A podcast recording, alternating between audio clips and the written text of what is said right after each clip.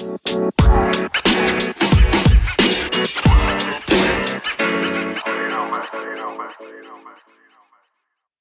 başlatıyorum. Sonrasında şunu da açıyorum ve müziğin sesini de arkadan kısıyorum. Evet, değerli dostlarımız hepiniz hoş geldiniz. Bu akşam değer katan eğitimlerde, Valorem Team'in düzenlediği değer katan eğitimlerde Hakan Acar'ı misafir ediyoruz, Hakan hocamızı. Ee, çok özel bir eğitim hazırladı bu akşam bizim için. Ee, aslında e, konuyu okuyunca hepimiz e, içinde bulunduğumuz bu teknolojik dönüşüm, dijital dönüşüme aşinayız ama bu yalın dönüşümü belki aramızda böyle ilk kez duyanlar da olabilir. O yüzden bugün çok öğretici ve ufuk açıcı bir eğitim olacak ve bunun için çok özel bir e, yaklaşık 3-4 gündür çok özel bir ekiple birlikte güzel bir sunum hazırladı e, Hakan hocamız bize. E, işletmelere, firmalara, kobilere, aynı zamanda kişilere kendi iş yapış şekilleriyle alakalı e, dönüşüm doktorumuz bu akşam bize müthiş bir reçete yazıyor olacak. Bence ben de bu akşamki bu reçeteyi sabırsızlıkla bekliyorum. Kağıdımı kalemimi aldım. E, buradan aldığımız, eğitimden aldığımız notlarla aslında herkes kendine bir reçete çıkartmış olacak bu akşam. Eminim çok keyifli olacak. E, biraz bir saati de aşabiliriz. Öncesinde Hakan hocamızla konuştuk. E, müthiş güzel bir içerik var.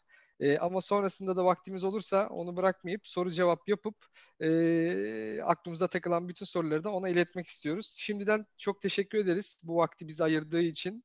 E, çok sağ olun ve onunla birlikte aslında bir takım çalışması az sonra o da bahsedecek. Emeği geçen bütün arkadaşlara da ben şimdiden çok teşekkür etmek istiyorum. E, Hakan Hocam sunuma başlamadan önce sizi tanımayan dostlarımız da vardır muhtemelen. Şu anda YouTube'da da canlı yayındayız. Orada da sayımız hızla artıyor. Kısaca kendinizden de bahsedebilirseniz çok mutlu oluruz hocam. Buyurun söz sizde. Kısaca hiç uzatmayayım. Öncelikle e, değer katan eğitimlerde yalının ilk ilkesi olan değer kelimesiyle örtüştüğü ve burada da değerli arkadaşlarla, değerli konuklarla değerli bir konuyu konuşacağımız için ben çok mutluyum. O kelime benim için çok önemli, değer kelimesi. E, ben e, kısaca kendimden bir bahsedeyim ve hızlı bir şekilde girelim. Çünkü bugün gerçekten hap bilgi şeklinde çok bilgi vermeye çalışacağım mümkün olduğunca. E, 78 Almanya doğumluyum. 40 günlükken Samsun Bafra'ya geldim. Dönüşümün babasını yaşadım. Anneden babadan, baba anneye dedeye. Sonra lise sona kadar Alma, Bafra'da yetiştim. İstanbul Teknik Üniversitesi Uçak Mühendisliği. Bu sefer de hayatımda ilk defa Bafra dışına çıkarak İstanbul'a gelerek dönüşüm, ikinci dönüşümümü yaşadım. İstanbul Teknik Üniversitesi Uçak Mühendisliği makine master'ı derken master bitmedi. Bitiremedik. Biz akademisyen olmayacakmışız onu anladık. Ve iş hayatına başladık askerlikten sonra. İş hayatı benim e, dönüm noktalarımdan bir tanesidir. Japonların e, ortak olduğu ve Japonlaştırmaya çalıştığı bir firmada işe başladım. İlk genç mühendis olarak. Ben bilmedim yalındır, Toyota'dır, Japon'dur diye. Halbuki adamlar Maysan demişler, evlat demişler, beni Japon gibi yetiştirdiler. Allah razı olsun diyorum onlardan. Hala yaşıyordur onlar. Onlara bir şey olmaz. Ama çok büyük emekleri var sağ olsun. Oradaki müdürlerimin de çok büyük emeği var. Çünkü çok şey öğrendim. Burada onlardan da bahsedeceğim. Ondan sonra değişik değişik firmalar Stoker, Beretta İtalyanlarla yine bir dönüşümün içerisinde Uzel Otomotiv ve iki kere Uzel macerası Traktör, Holding. Onlarda da dönüşümün içerisinde üstadlarımızla birlikte çalıştım. Nedense hep ben dönüşüme rastladım. Yani her daim bir yalın dönüşüm içerisine girdik. Bir gelişme içerisine girdik. Hayat öyleymiş demek ki dedik. Kendi firmamı kurdum. Dört buçuk yıl danışmanlık yaptım. Kriz yönetimi danışmanlığı.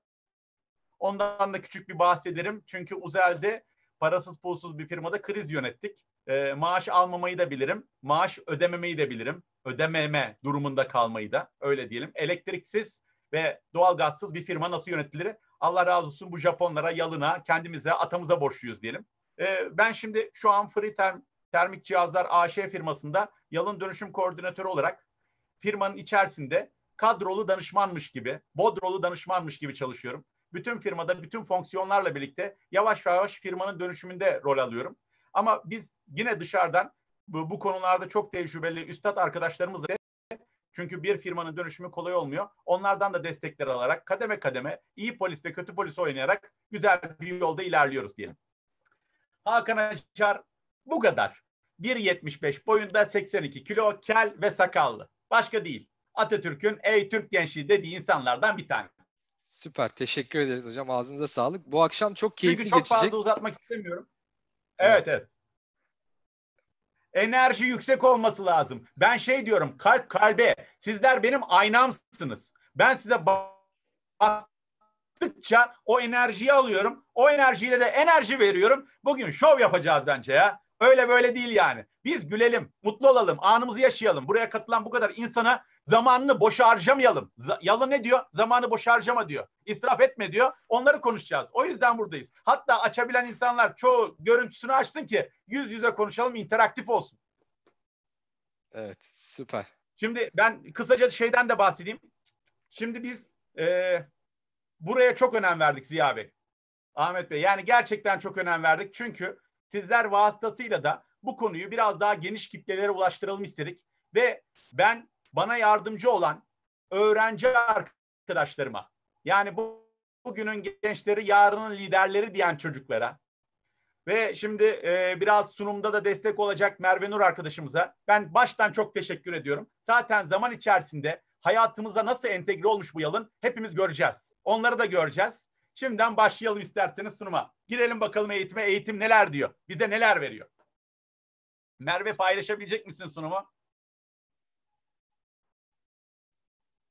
Şimdi biz e, Ziya hocam, hocam diyerek konuşabilir miyim? Rahat rahat olayım diye, işten Tabii, olayım. na- nasıl, nasıl isterseniz, Tamam. nasıl rahat olursanız buyurun. Şimdi ben e, kademe kademe anlatacağım. Sunumu iki kısım gibi düşünün. Bir sol taraf, bir de sağ taraf. Sol taraf bugüne kadar hep konuştuğumuz işte Henry Ford'dan başlayan, işte Taichi Ono ile devam eden, işte biz e, yalını, Toyota kültürünü nasıl aldığımız kısımları anlatmış olacağım.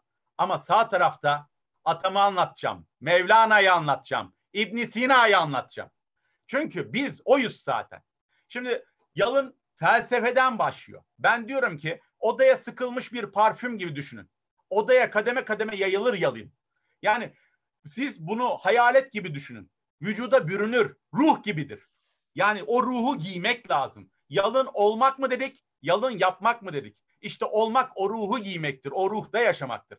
Yalının ilk önce felsefesine değinmek istiyorum. Sol tarafa baktığınız zaman Japonlar şunu dedi bana ilk işe girdiğimde. Japon işe aldılar. İlk toplantı Ziya Hocam. İlk toplantı. Ben daha çocuğum.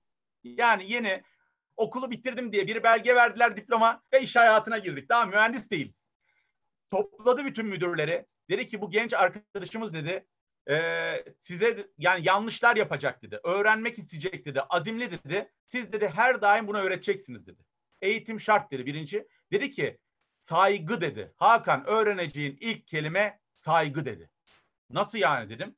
İlk kelime saygı dedi. Bu kelimeyi sen vücuduna, ruhuna, bedenine, iç, damarlarında gezen kana enjekte et dedi. Allah Allah. E dedim tamam. Birinci kelime saygı. Aradan bir 3-5 saat geçti. Bir toplantı daha yaptık. Yine beni alıyor. Böyle, böyle bir mentor edasında bana öğretiyor. İkinci kelimesi adamın dedi ki Hakan dedi sen yüz üzerinden kaçsın dedi. Yani nasıl kaçım dedim. Yüz üzerinden 20'sin 30'sun falan dedi. E dedim bir şeyler oldu yani 25 yaşına geldik dedim. Dedi ki her gün dedi kendine bir şey katman lazım oğlum dedi. Nasıl yani dedim. Her gün bir şey öğrenmen lazım dedi. Gelişmen lazım dedi. Allah Allah dedim.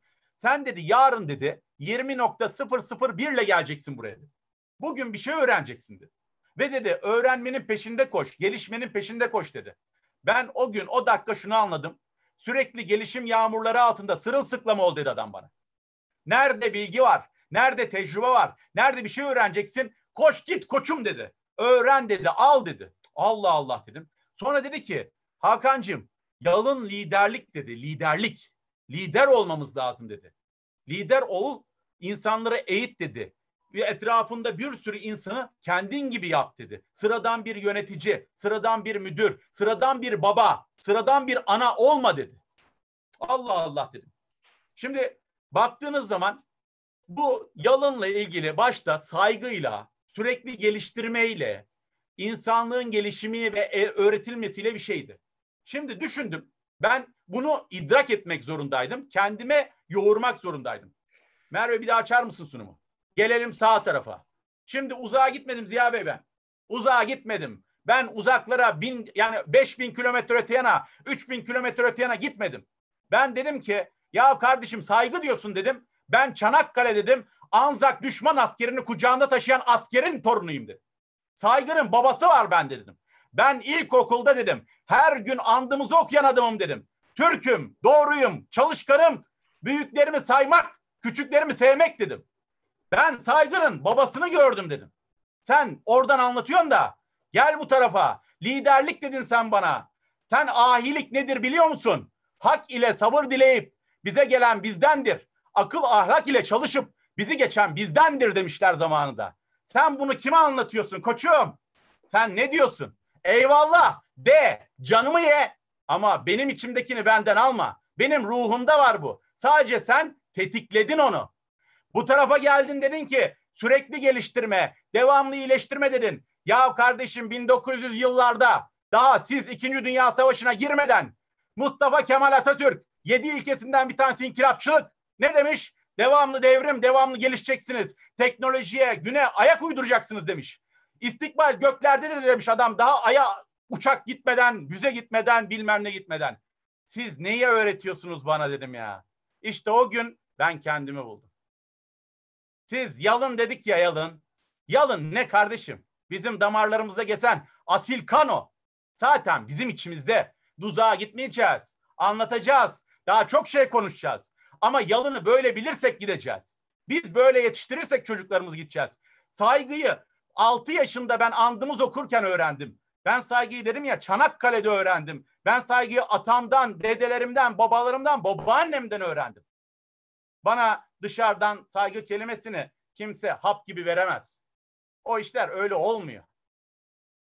Geçelim Merve. İkinci sayfaya geçelim. Felsefeden gidiyoruz. Şimdi Toyota'nın tarihçesi var. Yani bu yalının tarihçesi. Nasıl doğdu? Nasıl gitti? Bu iş nasıl gelişti? O taraftan da anlatmak lazım. O taraftan da bakmak lazım. Şimdi baktığınız zaman gelişimler kriz zamanları oluyor.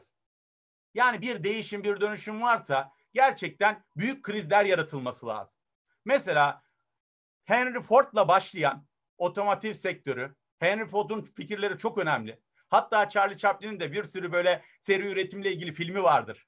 O kapitalizm düzenini anlatır, o sömürü düzenini. Ondan başladıktan sonra ben Japonların tarihçesinin filmlerini seyrettim, belgesellerini. Sömürü bir ülkesi olan Japonlar, İngilizlerin ve Amerikalıların sömürü ülkesi olan Japonlar kendilerini aşabilmek için, o sömürüden çıkabilmek için devlet bütçesinin yüzde beş onunu ayırıp gemiyle bütün bilim adamları, bütün bakanlar, böyle en önemli insanlar gemiyle dünyayı gezmişler. Bir buçuk yıl. Amerika'ya gitmişler, Almanya'ya gitmişler, Avrupa'yı gezmişler. Bu adamlar nasıl gelişti, nasıl yaptı diye. Ve Japonları bilirsiniz fotoğraf falan çekmeyi çok severler. Hani alıp kendileri kopyalamayı. Oradan bir sürü şey öğrenmişler. Ve bu tarafa geldikleri zaman biz kendimizi nasıl geliştiririz diye 1900'lü yılların başında başlıyorlar. Ama burada esas devrimi yaratan İkinci Dünya Savaşı sonrası, İkinci Dünya Savaşı sonrası Taichi Ono, Toyota. Yani her şey bitmiş. Düşünsenize atom bombası atmışlar Ziya Bey. Bitirmişler adamları.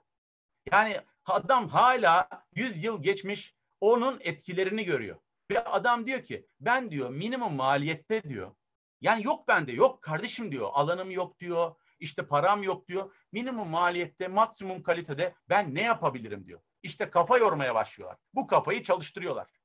Ondan sonra bakıyorsunuz ki Toyota Toyota fabrika sistemleri yani Toyota kültürü, Toyota production sistem diyoruz. Yavaş yavaş oturmaya, Taichi Ono'nun her söylediği gerçekten böyle atasözü gibi alıp böyle tahtaya yazasınız geliyor. Güzel güzel yöntemlerle adamlar minimum maliyette maksimum yapmaya başlamışlar. Verimlilik demişler, israfı yok edelim demişler ve kademe kademe kademe kademe bu gelişmiş. Bu kültür haline gelmiş. Ondan sonra da bu kültür yayılmış. İlk başlarda belki bilgiyi vermiyorlardı ama bilgi paylaşıldıkça çoğalır dedikleri zaman bütün dünyaya bu bilgiyi paylaşmışlar. Şimdi gelelim biz tarafa. Tamam bu yalın böyle gitti. Henry Ford'la başladı. Japonlarla gitti. Toyota ile gitti. Taichi Ono ile gitti. biz tarafa bakalım. Biz tarafta şimdi adamlar 2. Dünya Savaşı'ndan sonra girmişler. Biz Birinci Dünya Savaşı'nı yaşamışız. Bir, ikiden önce midir? Öncedir. Gelelim. Birinci Dünya, Cumhuriyet'in kurulması. Mustafa Kemal Atatürk'le başlayan. Adam bir fabrikayı yalınlaştırmıyor. Adam bir ülke kuruyor ve ülkeyi yalınlaştırıyor. Devrimler yapıyor. Düşünsenize yalın da aynısını diyor. Yani siz değişmeye yani değişime ayak uydurmak zorundasınız. Alışkanlıklarınızı değiştirmek zorundasınız. Kötü alışkanlıklarınızı iyileriyle değiştirmek zorundasınız. Şimdi atam diyor ki ben diyor dünyaya ayak uydurmak istiyorsam diyor ben diyor fesi bırakmam lazım diyor. Benim diyor şapka takmam lazım diyor. Benim diyor kara çarşafı bırakmam lazım diyor. Benim diyor dünya gibi giyinmem lazım diyor. Benim diyor Osmanlıcayı bırakmam lazım diyor. Benim harf inkılabı yapmam lazım diyor. Aa, ne kadar değişim ya. Ne kadar kısa sürede ne büyük değişimler. Şimdi düşünsenize biz fabrikaları inan 3-5 yılda değiştirmeye çalışıyoruz. O da böyle tam değişmiyor. Sadece araçlarını kullandırıyoruz. Ama atam 3-5 yılda cumhuriyet kurmuş ve bütün Türkiye'yi 10 milyonlarca insanı değiştirmeye çalışmış. Şimdi üreten toplum diyor. Üretmemiz lazım diyor. Şimdi Yalın da aynısını diyor. Üretmek.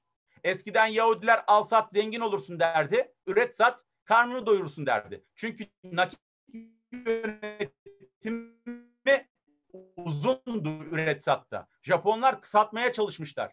Kısaltırsan sen de zengin olursun diyor. O zaman bakıyorsun süreçlere odaklanıyorsun. Süreçlerdeki israfları yok ediyorsun. Şimdi atam demiş ki köylü milletin efendisidir demiş. Neden? Üreten toplum ol, dışarıya bağımlı olma demiş.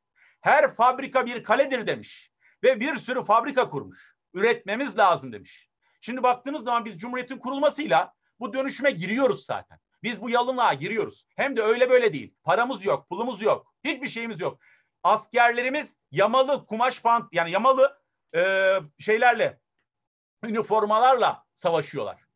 Kadınlar cephe, cephe cephane taşıyacağım diye çocuklarını öldürüyorlar. Öyle bir fakir milletiz. Ve belli bir zaman sonunda belli bir zaman sonunda 1950'li yıllarda bu Japonlarda Toyota Production sisteme entegre edilen Fuko döngüsü var. Birazdan anlatacağım. Yani kalite yönetim sistemine Deming diye bir adam var. Bu adam diyor ki gelişmekte olan ülkelere bakıyor. Bir tanesi Türkiye, bir tanesi de Japonya. Türkiye'ye geliyor bu adam. Diyor ki kardeşim ben diyor Türkiye'ye geleyim. Hatta Türkiye'de Atatürk'ten sonra çok etkilendikleri için hayatta en hakiki mürşit ilimdir, fendir sözünün söylendiği bir ülke burası diyor. Ama ne yazık ki biz bu adamı e, tutamıyoruz Türkiye'de. Bu adam Japonya'ya gidiyor ve bu Toyota Production sistemi yani yalının gelişmesine öncülük edenlerden oluyor sonradan. Şimdi ondan sonraya gelelim. Geçenlerde ben okuyorum. Çok fazla okuduğum için e, paylaşım da yaptım LinkedIn'den. Atamın bir sözünü paylaştım. Onu da çok güzel e, enjekte eden blog yazan arkadaşlarımız var. Bu konularda üstadlarımız, arkadaşlarımız işte her türlü diyebiliriz. E, bazı sözleri de direkt ondan aldım. Yani yazmış zaten. Doğru da, örtüşüyor da. Sağ olsun Can Bey, ismini de zikredeyim. Mesela Atam'ın sözlerine bakın. Şimdi Yalın der ki sürekli gelişim felsefesi dedi. Genci gembutsu dedi. Yani olay yerine git diyor adam. Mesela bir işi çözmeniz için, bir komisersiniz, cinayeti çözmeniz için masadan çözülmez diyor. Olay yerine git diyor. Mükemmelliği ara diyor. Şimdi hiçbir zafer amaç değildir demiş adam. Zafer ancak kendisinden daha büyük bir amacı elde etmek için belli başlı bir vasıta. Yani demek ki devamlı bir şey yap diyor adam. Bak icra eden, tatbik eden karar verenden daima daha kuvvetlidir. Sağda ol diyor. Sağda ol, işin içinde ol diyor. Her büyük meydan muharebesinden, her büyük zaferin kazanılmasından sonra yeni bir alem doğmalıdır. Şimdi bakın zaten zamanında adam bu kelimeleri, bu, bu ilkeleri söylemiş. Yani bizim ruhumuzda var. Biz uzağa da gitmemize gerek yok. Biraz geçmişimize gidersek kendimizde görebiliyoruz. Merve devam edelim mi yalın düşüncenin tarihinden sonra? Şimdi ben iki türlü de kıyaslayıp kendi hayatımızdan örnekler de vererek gitmeye çalışıyorum. O yüzden şimdi yalın düşüncenin ilkeleri var. Diya hocam yalın düşüncenin ilkeleri. Yani her bir şey ilkeler üzerine oturur. Cumhuriyet de ilkeler üzerine oturmuştur.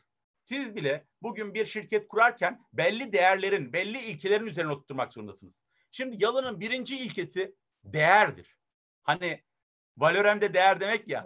Diyeyim. Yani değer. Yani yine geldik burada buluştuk. Bak birinci ilke. Değer. Değer vermek. Müşteri gözüyle değeri arayalım. Müşteri gözüyle. Şimdi ben buna bir örnek vereceğim. Değer nedir diyoruz. İnsanlar değişik değişik şeyler söylüyor. Şimdi değer değişiyor. Kişiye göre, yerine göre, zamanına göre. Hani müşteri gözüyle dediğim küçük örneklerle gidiyorum. Geçenlerde arkadaşla Boğaz'da lokantaya gittik. Boğaz'da lokantadayız. Güzel de bir lokanta. İyi de para ödedik. Ya Ziya Bey aç kalktık ya. Yani bir şeyler yedik ama yani aç kalktık. Aradan Fiyat arttıkça porsiyonlar küçülüyor hocam. Ya, yani şimdi ne dedik yani ya o birbirimize bakıyoruz. Diyoruz ki değmedi. Yani o kadar para ödedik. Sanki böyle bir rahatsızlık hissettik. Sonra dedi ki ya Hakan dedi şurada kokoreççi var dedi. Gel bir kokoreç patlatalım dedi. Ya yemin ederim 10 lira para ödedik ha. Abi bir değdi o para. Bir değdi. Değer dedim. Ustaya teşekkür ettim. Şimdi ikinci örnek. Hadi geçelim. Hayatımızdan diyoruz ya. Yürüyorum Kadıköy'de. Altı yolda. Hanımla yürürken eşim bir baktı. Vitrinler biliyorsunuz çekicidir. Gel bana gel bana der vitrinler. Vitrine bir baktı bir abiye var. Aa dedi ne güzel Hakan dedi bir içeri girelim. Dedim yandık. Yandık dedim. İçeri giriyoruz ya yandık. Niye? Çünkü içeride girecek, o elbiseyi giyecek ve o elbise inanın oturacak üzerine. Yani Murphy kanunları. O elbiseyi almaya kadar gidersiniz. Şimdi gitti, giydi, bir baktık oturdu. Harbiden de yakıştı falan dedi. Şimdi siz erkek olarak neye bakıyorsunuz? Direkt etiket. Etikete bir baktım. 300 lira 500 lira olan elbise 3000 lira. Anam dedim bu ne ya değmez dedim değmez değmez. Bu ne yani dedim. 5 metre kumaşa değer mi dedim. Eşim döndü. Değer dedi. Değer. Sonra oradaki terzi seslendi. Özel dikilmiş. Abi dedi ben ona ne kadar emek sarf ettim biliyor musun dedi. O 5000 lira az bile. Şimdi müşteri gözüyle değer diyoruz ya. Gerçekten o değeri anlamak lazım. Neye göre, kime göre, nasıl? Şimdi değer çok önemli bir kavram. Bu zamanında da toplumda bizim değer verdiğimiz şeyler de var. Mesela eğitim bir değerdir. Yani ihtiyaca göre. İşte zamanında da bunları yapmışız. Atam toplumun gelişmesi için, cumhuriyetin gelişmesi için değerleri yurt dışına yollayıp daha da geliştirerek gelmiş. Ben sizi kıvılcım olarak yolluyorum, siz ateş olarak gelin demiş. Şimdi birazdan anlatacağım. Değer akışı. Şimdi firmalarda bakınca bir süreçtir bu. Bir süreç. Yani siz müşteriden müşteriye bir değer akışınız var. Biz değer akışı haritası diyoruz ama ben diyorum ki en güzel üretim sistemi nedir? Yani böyle tıkır tıkır işleyen, israfı olmayan. Uzağa gitmeyin Ziya Bey. Ben, ben, vücut, insan vücudu. Allah öyle bir yaratmış ki bizi tıkır tıkır işliyor. Kokluyorsun, elliyorsun, giriş kalite kontrol. Ağzına atıyorsun birinci proses, çiğniyor. Kesiyor yani. Sonra bir konveyör var burada. Konveyör diyoruz biz buna. Direkt mideye getiriyor. Midede ikinci proses. Sen hatta endirek malzemelerin var. Asit masit geliyor, bir şeyler geliyor. Sonra oradan başka yerlere gidiyor. Hep böyle emiliyor. En sonunda bir de hurda var. Atık. Yani ne farkı var abi? Fabrikadan ne farkı var? Bana söyler misiniz insan vücudunun? Ama hiçbir noktada bekleme yok. Hiçbir noktada atıyorum gereksiz işlem yok. Hiçbir noktada fazla üretim gibi, fazladan salgı yapar gibi bir şey yok. Düşünsenize. Yani midede siz bir ekmek yediniz, mide bir ekmeklik asit salgılıyor. İki ekmeklik asit salgılamıyor. Yanlış mıyım? Yani mide şimdi sen bir ekmek koyduğun zaman on ekmeklik asit salgılasa ama yapmıyor mide. Bir ekmeklik asit salgılıyor. Şimdi baktığın zaman her şeyden emiyor, emiyor. O aldığın proteinler, vitaminler her şey emiyor. En son gerçekten zorunlu e, hurdayı çıkartıyor. Ya ben size soruyorum ya. Ya bundan daha güzel bir değer akışı var mıdır? Değerli prosesler yapılıyor. İsraf yok. Minimumdur belki de. Şimdi uzağa gitmeyin dedim ya. Şimdi üçüncü ilke sürekli akış. Yani bunu devamlı yapalım. Zaten öyle yapmıyoruz mu? Sabahleyin yiyoruz çalışıyor, akşamleyin yiyoruz çalışıyor, öğlenleyin yiyoruz çalışıyor. Hani dur kalk yok. Ben buna da şöyle örnek vereyim size. Ya arabaya bindik. Ankara'ya gideceğiz. Arabayı çalıştırdın. Şimdi düşünsene 10 kilometre gittin durdun. Sonra bir daha çalıştırdın. 10 kilometre gittin durdun. Bir daha çalış. Şimdi dur kalkla. Sen Ankara'ya ne zaman gidersin abi? Yani sen bir çalıştır. 60 kilometreyle git ama durmadan git. Devamlı git. İsrafsız git. Bak sürekli akış olması lazım. Bir tak time yani bir sabit bir şeyin olsun. Hadi vazgeçtim onu. Dördüncü ilke çekme. Ya o çekme nedir dedim ya. Şimdi Japonlar falan böyle söylüyorlar. Çekme ne dedim. Halbuki my son dediler bana Nobunaga. Ben Japonya'da kaldım. Evlerinde kaldım. Evlerinde beni evlatları gibi büyüttüler.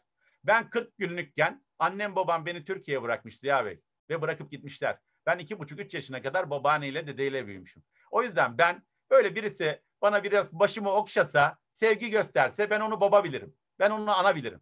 Sağ olsun Nobunaga, Miyata benim babam oldu. Benim dedem oldu. Yani orada bana öyle baktılar ki dediler ki Hakan oğlum kitaplar okunarak bu iş öğrenilmez. Allah Allah dedim. E dedim gezerek de olmaz dediler. Nasıl yani dedim. Bu işi deneyimleyeceksin, yaşayacaksın, bizim gibi olacaksın dediler. Çiğ balık yiyorlar, çiğ balık yiyeceksin dediler. Allah Allah dedim. Ama ben yiyemem ki dedim. Olmaz. Bunları anlayacaksın dediler. O yüzden ben hani okuyan mı gezer mi diyorlar ya. Geçin kardeşim. Hem okuyacaksın, hem gezeceksin, hem de deneyimleyeceksin. Her şeyi yapacaksın. Deneyimleyerek öğreneceksin. Bugün milyonlarca bilgi var. İnternette her yerde deli gibi, yağmur gibi yağıyor. Sen bunu deneyimlemediğin zaman olmuyor. Geçen gün Ahmet Cezmi hocam şeyi anlattım. Panasonic'in kurucu e, az önce de gösterdim zaten. Kurucusunun hikayesini. Şimdi adam sadece okuyarak olmuyor o iş. Sadece görerek de olmuyor. Uğraşıyor. Bizdeki ahilik. Berbere gidin. Hiç uzağa gitmeyin. Adam ilk önce o saçları süpürüyor. Saçları süpürüyor ya. Oradan ustaya gidin. Otosanayiye gidin. O çırak var ya hep kafasına şey yer. Getir lan şunu bilmem ne. Bir suç olsa ondan bilirler. O kalfa olur. O usta olur. O bilir. Şimdi sanayilerimiz ne yazık ki çırak arıyor. Ne yazık ki berber dükkanları çırak alıyor. Gerçekten yani bu ahilik dediğimiz olay bizde gitgide körelmiş. Bir ara yok olmuş. Ya, yani bizim bunu eğitim sistemimize entegre etmemiz lazım. Köy enstitüleri dediğimiz olay oydu. Sizi para harcama olayını öğretiyordu. Ev ekonomisi diye ders vardı. Dikiş dikmeyi öğretiyor, marangozluğu öğretiyor. Yani hayatı öğretiyordu. Hayat okuluydu. Şimdi baktığınız zaman uzağa gitmeyelim. Şimdi bu çekmede kaldık. Ben çekmeyi nasıl öğreneceğiz, öğreneceğiz dedim. Ya abi hiç uzağa gitme ya. Hiç uzağa gitme. Ayşegül Hanım burada, Hande Hanım burada. Şimdi ya pazara gidiyorsunuz da neye göre alıyorsunuz pazardaki alışverişi ya da markettekini? Evde buzdolabını açıyorlar. Domates azalmış diyor. Bak ben sana söyleyeyim. Aa salatalık var diyor. Karnabahar var diyor ama domates azalmış diyor. Çekecek onu. Gidecek domates alacak. Salatalık almayacak ki. İhtiyacı kadar alacak. Peki ben yine söylüyorum. Hande Hanım'a söylüyorum. Gidip de 10 kilo domates mi alıyorsun? Bir yani sana yetecek kadar mı? Yetecek kadar. Yetecek kadar çekiyor. Ben burada bir sürü arkadaş dinliyor bizi. Her yerde de Carrefour var, Migros var. Ya arkadaşım binlerce insan giriyor Carrefour'a. Yüz binlerce insan. Bir defa rafı boş gördün mü sen? Bak içeride inanın 10 bin tane çeşit mal var. Bir defa rafı boş gördünüz mü? Siz çekiyorsunuz, alıyorsunuz ihtiyacınızı. Yeni ge adam iç lojistik yapıyor, oraya hemen getiriyor, koyuyor. Hemen. Hiçbir zaman boş olmuyor. Şimdi ben ya eve o zaman dedim ki ya dedim bu çekme falan evde var dedim ya. Biraz inceleyeyim dedim. Demek ki depo benim buzdolabıymış. Hani depo ya. Harbiden öyle. Şimdi bir bakıyorum et kalmamış mesela. Aa diyorum köfte almamız lazım. Bir tane tahtamız var. Nerede o tahta ya? Bir tane tahtamız var. Tahtaya yazıyoruz tamam mı? Köf yani kıyma diyoruz. Sonra biraz daha bakıyoruz. Salatalık azalmış. Salatalık yazıyoruz. Domates. Sonra biz onun fotoğrafını çekiyoruz. Carrefour'a öyle gidiyoruz. İhtiyacın kadar çek. Fazlasını değil. Şimdi ben hayatımda yanılmışım. Benim babaannem de aynısı. Benim annem de aynısı. Pazara giderken aynısını yapıyordu. Yani ben uzağa gitmeme gerek yok ki. Biz zaten hep çekerek yapmışız. Ben tutup da hiçbir zaman eve bakmadan dışarıda markete girip 5 kilo domates, 3 kilo salatalık, karnabahar, ananas, çilek almadım ki. Kafama göre hiç alışveriş etmedim ben. Yani birisi ittirmedi. Ha şöyle oluyor. Kaynana kaynata gelince tabii elleri dolu geliyorlar. Bizim evde ne olduğunu bilmiyorlar. Ya o zaman da ya yiyemiyoruz, yesek şişmanlıyoruz ya da biraz israf oluyor, çöpe gidiyor. Yazık. Çünkü onlar şey yapıyor. Memleketten geliyorlar Bafra'dan. Böyle bize şey getiriyorlar. E, kolilerle Yani Bafra'dan işte tarladan bir sürü şey getiriyorlar. Şimdi bende var. O da getirmiş. Bilmiyor tabii adam. Şimdi eğer biz bunu yönetebiliyorsak mükemmel. Beşincisi de yalının ilkesi mükemmelliyetçilik. Yani inkılapçılık. Yani devamlı en iyisini bul arkadaşım. Devamlı geliştir. Her daim iyisi vardır. Bak ben bugün durmuyorum öğrenmekte. Aynı anda iki tane eğitim dinlediğim oluyor Ziya Bey. Hani bir tarafta eğitim ya da iş yapıyorum. Aynı müzik dinler gibi. Şimdi düşünsenize ben 42 yaşındayım. Ben oldum diyebilir miyim? Ben yeterim ya. Zaten hayatımın yarısını geçmiş. Aa 10 yıl sonra da emekli olacağım diyebilirim değil mi? Yok öyle bir şey. Yok. Yok. Biz devamlı daha iyisini öğreneceğiz. Daha gelişeceğiz. Neden biliyor musun? Ya her şeyi boş verin ya. Ya bu cumhuriyet kurulurken ölen 250 bin tane, 300 bin, 500 bin tane adamın kemikleri sızlamasın diye yapmak zorundayız biz bunu. Biz Türkiye için büyük adam değil, dünya için büyük adam olacağız. Biz Türkiye'de ne seviyedeyiz? Bana ne? Benim Türkiye'de rakibim yok. Ben Japonya'daki 42 yaşındaki Hakan Acar'ın dengiyle kafa tutmam lazım. Çünkü Atatürk onu demiş zamanında. Ben kıvılcım olarak sizi yolluyorum, ateş olarak döneceksiniz demiş. Ben yoksa niye? Hiçim, hiçbir şeyim. Adam kurmuş, ee, biz o kadar sadece adam değil, silah arkadaşları. Dedelerimiz 3 yıl, 5 yıl askerlik yapan insanların torunları değil miyiz? Biz o yüzden o köy enstitüleri kurulmuş. Adam, adam geometri kitabı yazmış ya. Adam 4000 tane kitap okumuş. Hadi söylüyorum şurada 100 tane adam var. 500 kişi dinliyor YouTube'da. Bir tane 4000 tane kitap okuyan var mı aramızda? Ve savaş meydanında okuyor bunu. Hangi Japon yaptı bunu? Bana söyleyin ya bir tane Japon örnek verin. 4000 kitap okumuş diye. Hangi Amerikalı yaptı? Niye uzağa gidiyoruz? Hiç gitmemize gerek yok. Saygı duyuyorum. Bilgi her zaman öğreneceğim. Onlardan öğreneceğim çok şey var. Niye? Atam zamanında Profesör Doktor Ersev Hoca var. Ersev Eraslan. NASA'da çalışan Türk. Ay'a NASA'dan yolladı Armstrong'un yanmadan Neil Armstrong'un Türkiye'ye dönmesini getiren adam. 47 yıl Amerika'da kalmış. Geçen gün biz onunla seminer yaptık. Yeditepe Üniversitesi'nde. Sanayide yerli üretim diye. Adamın babası uçak mühendisiymiş. Atatürk yollamış onu Fransa'ya. Uçaklara bak getir diye. Adam bir hikaye anlattı. Tüylerim diken diken oldu. Biz kendi uçak fabrikamızı kurmuşuz. Ve Avrupalı gelip bizim uçak fabrikalarımıza bakıyormuş. Biz üretiyormuşuz. Şimdi ne yapıyoruz? Abi ya işte bir parça yollarsan ben şu uçağı takacağım ya da benim uçağımın radarı olmuyor. Ben Kıbrıs'ta kendi gemimi vurdum. Biz üreteceğiz arkadaşlar. Biz üreteceğiz. Biz her daim iyisini yapacağız. Biz her daim gelişeceğiz. Biz durduğumuz zaman Türkiye durur. Biz durduğumuz zaman dünya durur diyeceğiz. O yüzden biz o bayrağı alacağız. Ulubatlı Hasan gibi dikeceğiz. En önde olacağız. Şimdi bu değerlere baktığın zaman beş tane ilke dediler ya. Beş tane ilke ama bizde ne ilkeler var Ziya Bey? Ne ilkeler var? Yani öyle bir hoş falan değil. Ya tarıma girmişiz, üretmişiz. Dünyada bir numaralar olmuşuz. Biz uçak fabrikasını kurup Avrupalı gelmiş. Şeker fabrikalarını kurmuşuz. Geçen gün LinkedIn'de onun hikayesi vardı. O, yani o şeker fabrikası kuranlar bir para biriktiriyorlar. Atamın karşısına çıkıyorlar. Diyorlar ki biz üretmek istiyoruz. Biz fabrika kuralım. Atam destek oluyor. Şimdi baktığın zaman bu ilkelerin hepsi bizde zaten var. Bu ilkelerde en önemli şey değeri bilin diyor. Ama değer olmayan şeylere israftır değer olmayan şey. O israfları yok edin diyor. Şimdi birazdan onu da anlatacağım. Yani değer var bir de değer olmayan şeyler israf. O israfları yok edin diyor. Şimdi yalın evi dedikleri bir şey var. Yani biz hepimiz yalın evi diyoruz temelde. Ve burada şunu anlatmak istiyorum. Kısa bir bunu da geçmeden, e, bunu da söylemeden geçmek istemedim. Temelde kültür var. Yani diyor ki bütün dönüşümlerde, bütün yalınlaşmalarda diyorlar ki kültürümüzü buna adapte edelim. Yani kültürümüz ne? Takım çalışması. Kültürümüz ne? Saygı olacak diyorlar. Aidiyat olacak diyorlar. İşte problemleri çözelim. O problem çözücü savaşçılar olacak diyorlar. Yani problem çözücü savaşçı olman lazım. İşte Kaizen yap diyorlar. Şimdi evet, bu kültür dönüşmeden hiç şey olmaz. Ben size söyleyeyim. Geçin onu.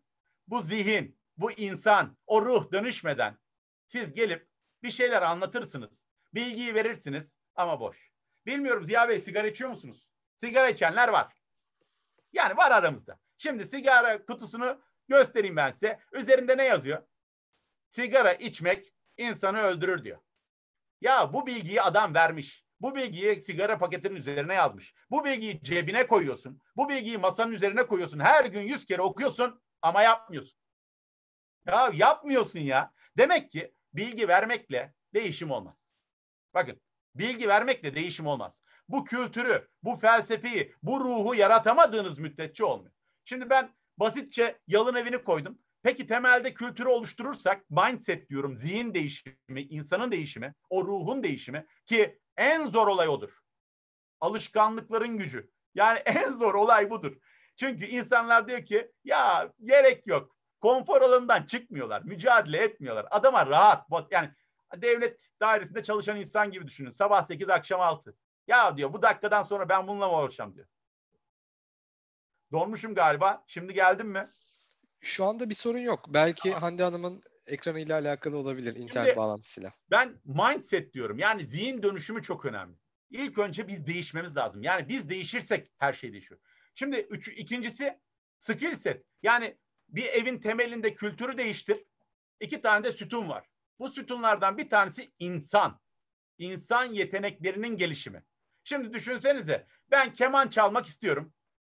Tamam hevesliyim. Siz de beni gaza getirdiniz. Ve ben dış motivasyon, iç motivasyon keman çalacağım. Abi yetenek diyor ya hani yetenek. Yani şimdi o yetenek bende yoksa olmuyor be. Olmuyor. İnsanın yeteneklerini geliştir diyor. Çalış diyor. Çok çalışmam lazım. Herkes bin saatte öğreniyorsa, on bin saatte öğreniyorsa benim yirmi bin saat çalışmam lazım. O yeteneğimi geliştirmem lazım. Sol tarafa gel. Peki bu yeteneği geliştiriyorsun. İçinde isteğin de var. Aracın ne diyor? Yani keman yok. Keman lazım. Şimdi biz de diyoruz ki yalının araçları var. Yani Kaizen dediğimiz, Kanban dediğimiz, 5S dediğimiz, TPM, işte Jidoko dediğimiz bir sürü aracı var. O araçları kullan diyor. Bu şeye benziyor. Ya siz Ankara'ya gitmek çok istiyorsunuz. Tamam. Ama ye, araba sürme yeteneğiniz yok. Hadi araba sürme yeteneğiniz var. Ehliyeti aldınız. Araç yok. Şimdi üçü bir arada olursa dönüşüm oluyor. Şimdi baktığınız zaman ortada da liderliği koydum ben. Şimdi sadece sizde olmaz bu. Siz her yeni gelene bunu aşılamak ve öğretmek zorundasınız. Çıraklar yetiştirmek zorundasınız. O çırakları kalfa, kalfaları usta yapmak zorundasınız. İyi bir usta, Ahmet Hocam da destekleyecektir. İlk önce kendi ustasını geçer, sonra kendisini geçecek çırağı yetiştirir. Yani onu usta yapar. Küçük bir örnek, Japonlarda usta samurayı saraya alırken çıraklarını çarpıştırıyorlar. Hangi çırak galip gelirse onun ustasını alırlar. Çünkü usta iyi öğretmiştir. Şimdi ben şeyden örnek vereceğim. TEDx konuşmacısı bir öğretmenimiz vardı. Neydi o çocuğun adı ya? O adam diyor ki ben diyor bilmem ne köyünde ilkokul öğretmeniyim diyor. Siz diyor ben diyor buraya çıkmasaydım diyor beni bilmeyecektiniz diyor. Benim diyor okulumda diyor işte e, neydi Çam mıydı soyadı neydi? Şimdi hatırlarım bir anda. Şimdi böyle yerlerde aklımdan uçup gidiyor. Diyor ki bu çocuklar diyor Türkiye'de değil diyor dünyaya meydan okuyacak diyor. Eğer diyor ilkokul olup da diyor benim öğrencilerimi geçecek varsa diyor meydan okuyorum diyor. İşte işte atamın gençliği bu be. Liderlik budur ya. İşte öğretmenlerimizin her biri lider olması lazım. Çünkü niye? Kendilerini geçecek. Evet boya fırçasıyla aynen öyle. Orhan Bey yazmış. Boya fırçasıyla çıkıyor sahne. Çünkü liderlik öyle bir şey. O çocukları yetiştirecek.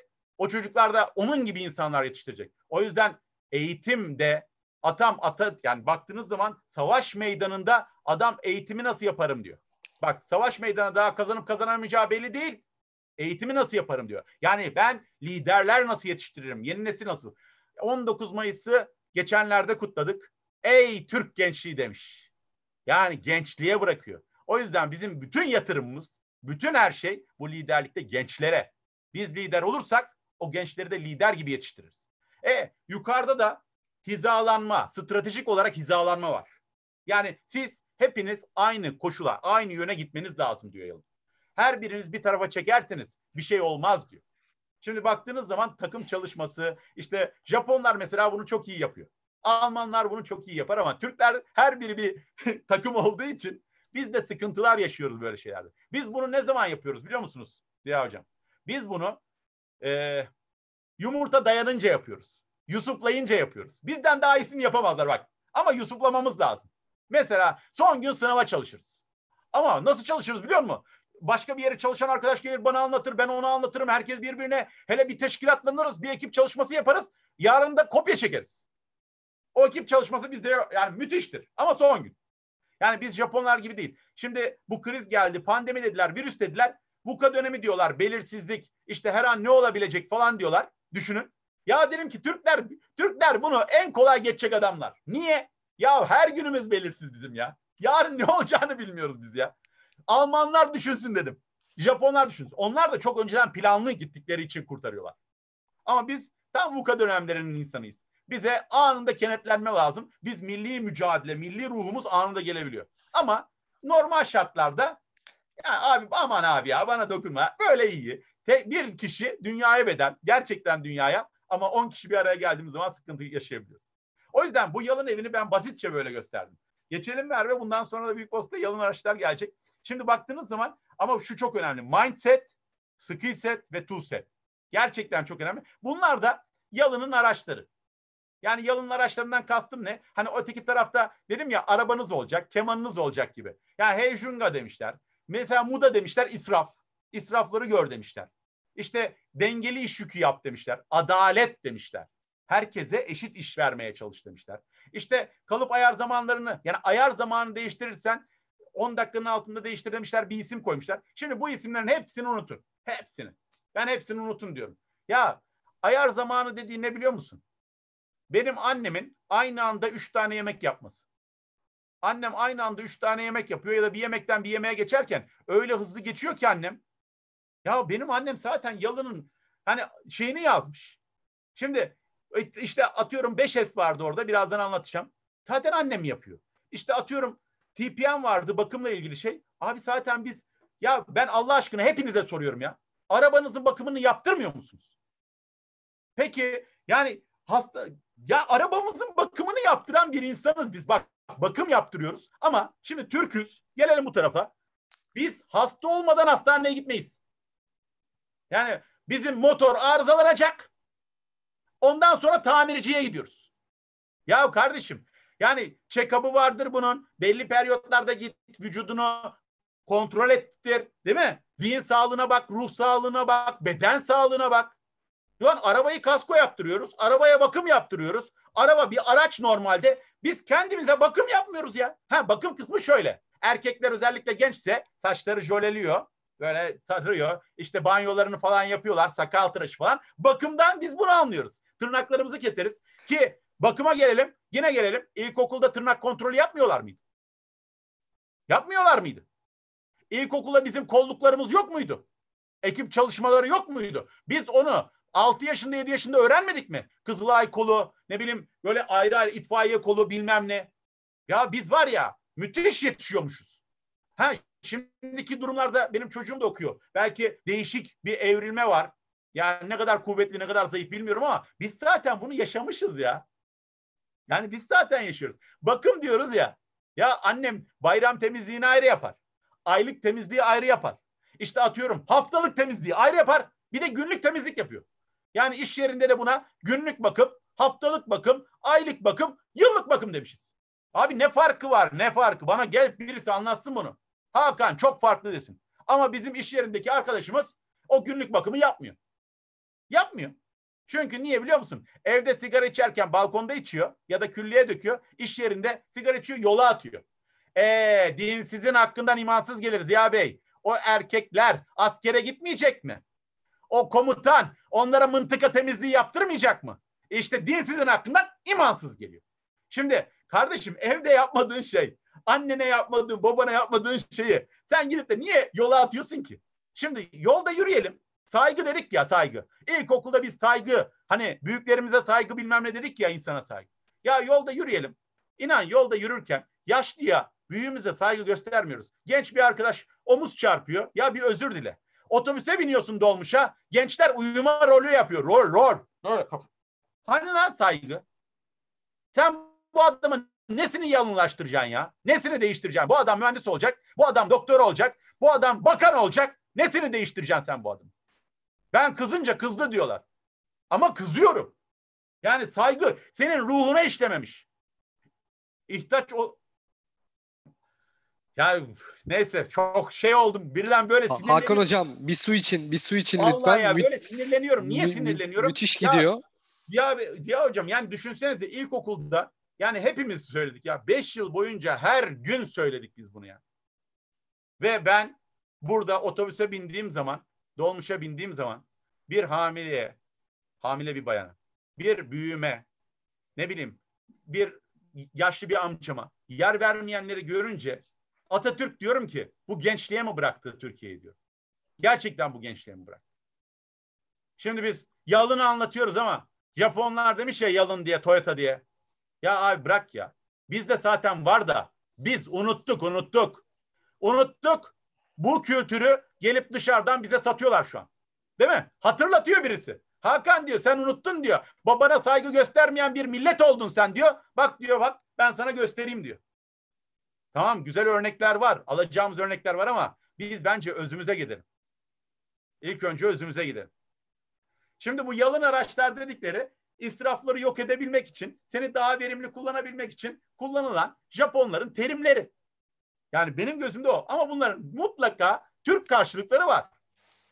Bundan sonraki sayfa ne geliyor Merve ya? Ben de unuttum ha sunumu. Nasıl gidiyoruz ya hocam? Hızlı, yavaş. Ben saate de bakmadım ama. Hocam gayet iyi gidiyoruz. Bütün arkadaşlarımız çok mutlu. Dinleyenler daha önce defalarca yalın eğitimi dinlemiş dostlarımız biz hayatımızda böyle bir eğitim dinlemedik diye yorumları var. İletmiş olayım. Ağzınıza sağlık. Teşekkür ederim. Ben çok teşekkür ederim herkese. Çünkü liderler yetişen öğrencilerinin hizmetkarıdır. Yani ben yeter ki üç kişi daha duysun diye sabaha kadar anlatırım. Yani bu çok önemli bir şey. Çünkü niye? Ben çocuklarımın da mentörüyüm.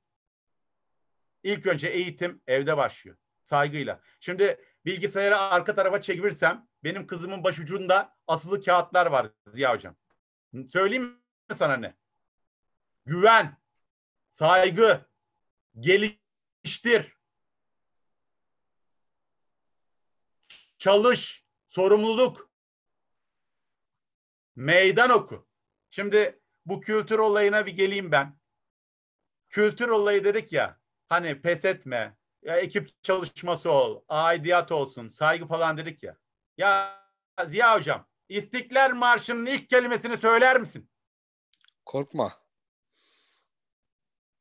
Öyle değil. Korkma. Korkma. Mücadele et. Meydan oku. Burada hissedeceğiz. Şimdi ben bunu hissediyorum. Ve Japonlar demiş ki kültürde mücadele et. Meydan oku demiş. Challenge. İngilizcesini söyleyelim. Challenge. Ya kardeşim benim İstiklal Marşı'ndaki ilk kelimem o ya. ilk kelimem. Şimdi Kaizen'e geldik. Bu da yalın araçlardan bir tanesi. Dedik ya sürekli iyileştirme. İlk başta hani o saygıyla birlikte Japonların bana öğretmiş olduğu ilk kelimeler bunlar. Gerçekten hayatıma entegre ettiler. Ama hayatıma entegre etmeleri onlar sayesinde olmadı. Onlar sadece ateşledi. Onlar hatırlattı bana. Şimdi ben şöyle yaptım. Sol tarafta Kaizen'i anlattım. Zen felsefesinden geliyor. Sürekli iyileştirme. Zen aydınlanmacı bir yaşam felsefesi. İyi ve erdemli insan olmak Zen'in temel öğretisi. Sensei, öğretmen usta, yazar ya da doktor anlamına gelen bir sözcük. Adamlarda bilirsiniz senseiler vardır falan. Şimdi Kaizen sürekli iyileştirme felsefesi. Ve inanın hani dibine girdiğiniz zaman, baktığınız zaman o problemleri bulup ortaya çıkartıp ekip çalışmalarıyla bunun köküne, kök sebebine girip nasıl yok ederiz diye düşünme felsefesi. Şimdi sağ tarafa geliyorum. Diya hocam sağ tarafa. Abi şimdi felsefe dediler ya. Sürekli gelişme dediler ya. Ya şunu okumak istiyorum ya. Mevlana'mı okumak istiyorum ya. Her gün bir yerden göçmek ne iyi. Her gün bir yere konmak ne güzel.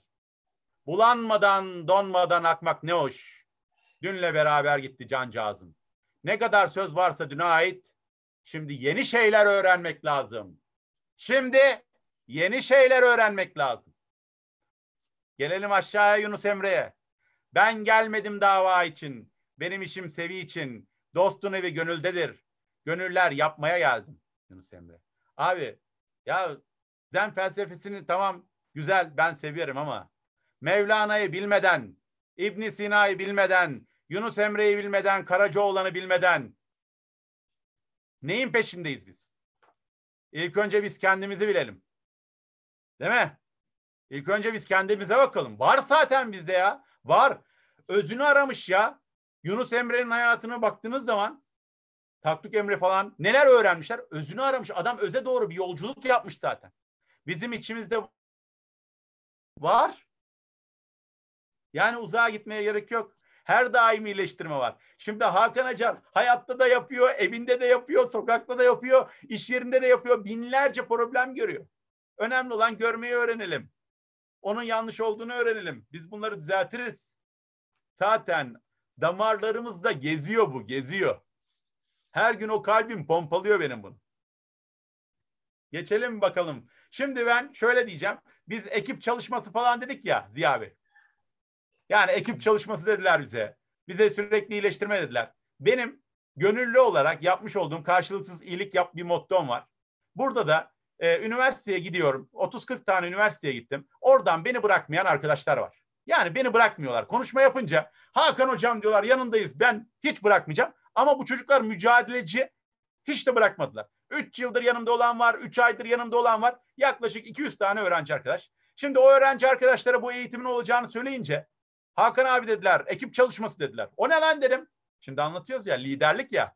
Dediler ki abi biz bari bunu biz duymadık. Bu Kaizen'i duymadık. Evet dedim üniversitede duymazsınız. Çünkü derslerde okulda okutulmuyor. Araştırdılar ve en kendilerine göre videolar hazırladılar. Böyle birer dakikalık. Böyle bir bakalım ne diyorlarmış onlar. Bir dinleyelim onları da isterseniz. Merve çalıştırabilirsen sesli.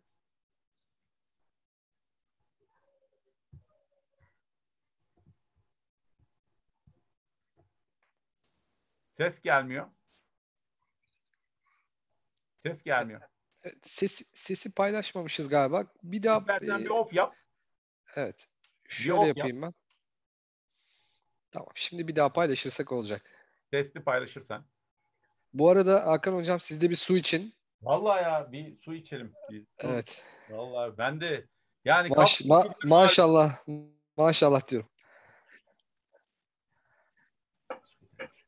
Kaizen'in faydaları nelerdir? Değer meydana getirmeyen işleri ortadan kaldırır. Atıkları, kirliliği ve tehlikeli çevresel atıkları azaltır. Daha az enerji, su ve ham madde tüketerek tasarruf sağlar. Çalışma koşullarını iyileştirir. Bireysel gelişim ve ekip çalışması sağlayarak çalışanlar arasındaki iletişim arttırır. Yöneticinin görev ve sorumluluklarını, çalışma şekillerini geliştirir. Maliyet odaklı düşünerek problem çözme yeteneğinin gelişmesinde katkıda bulunur.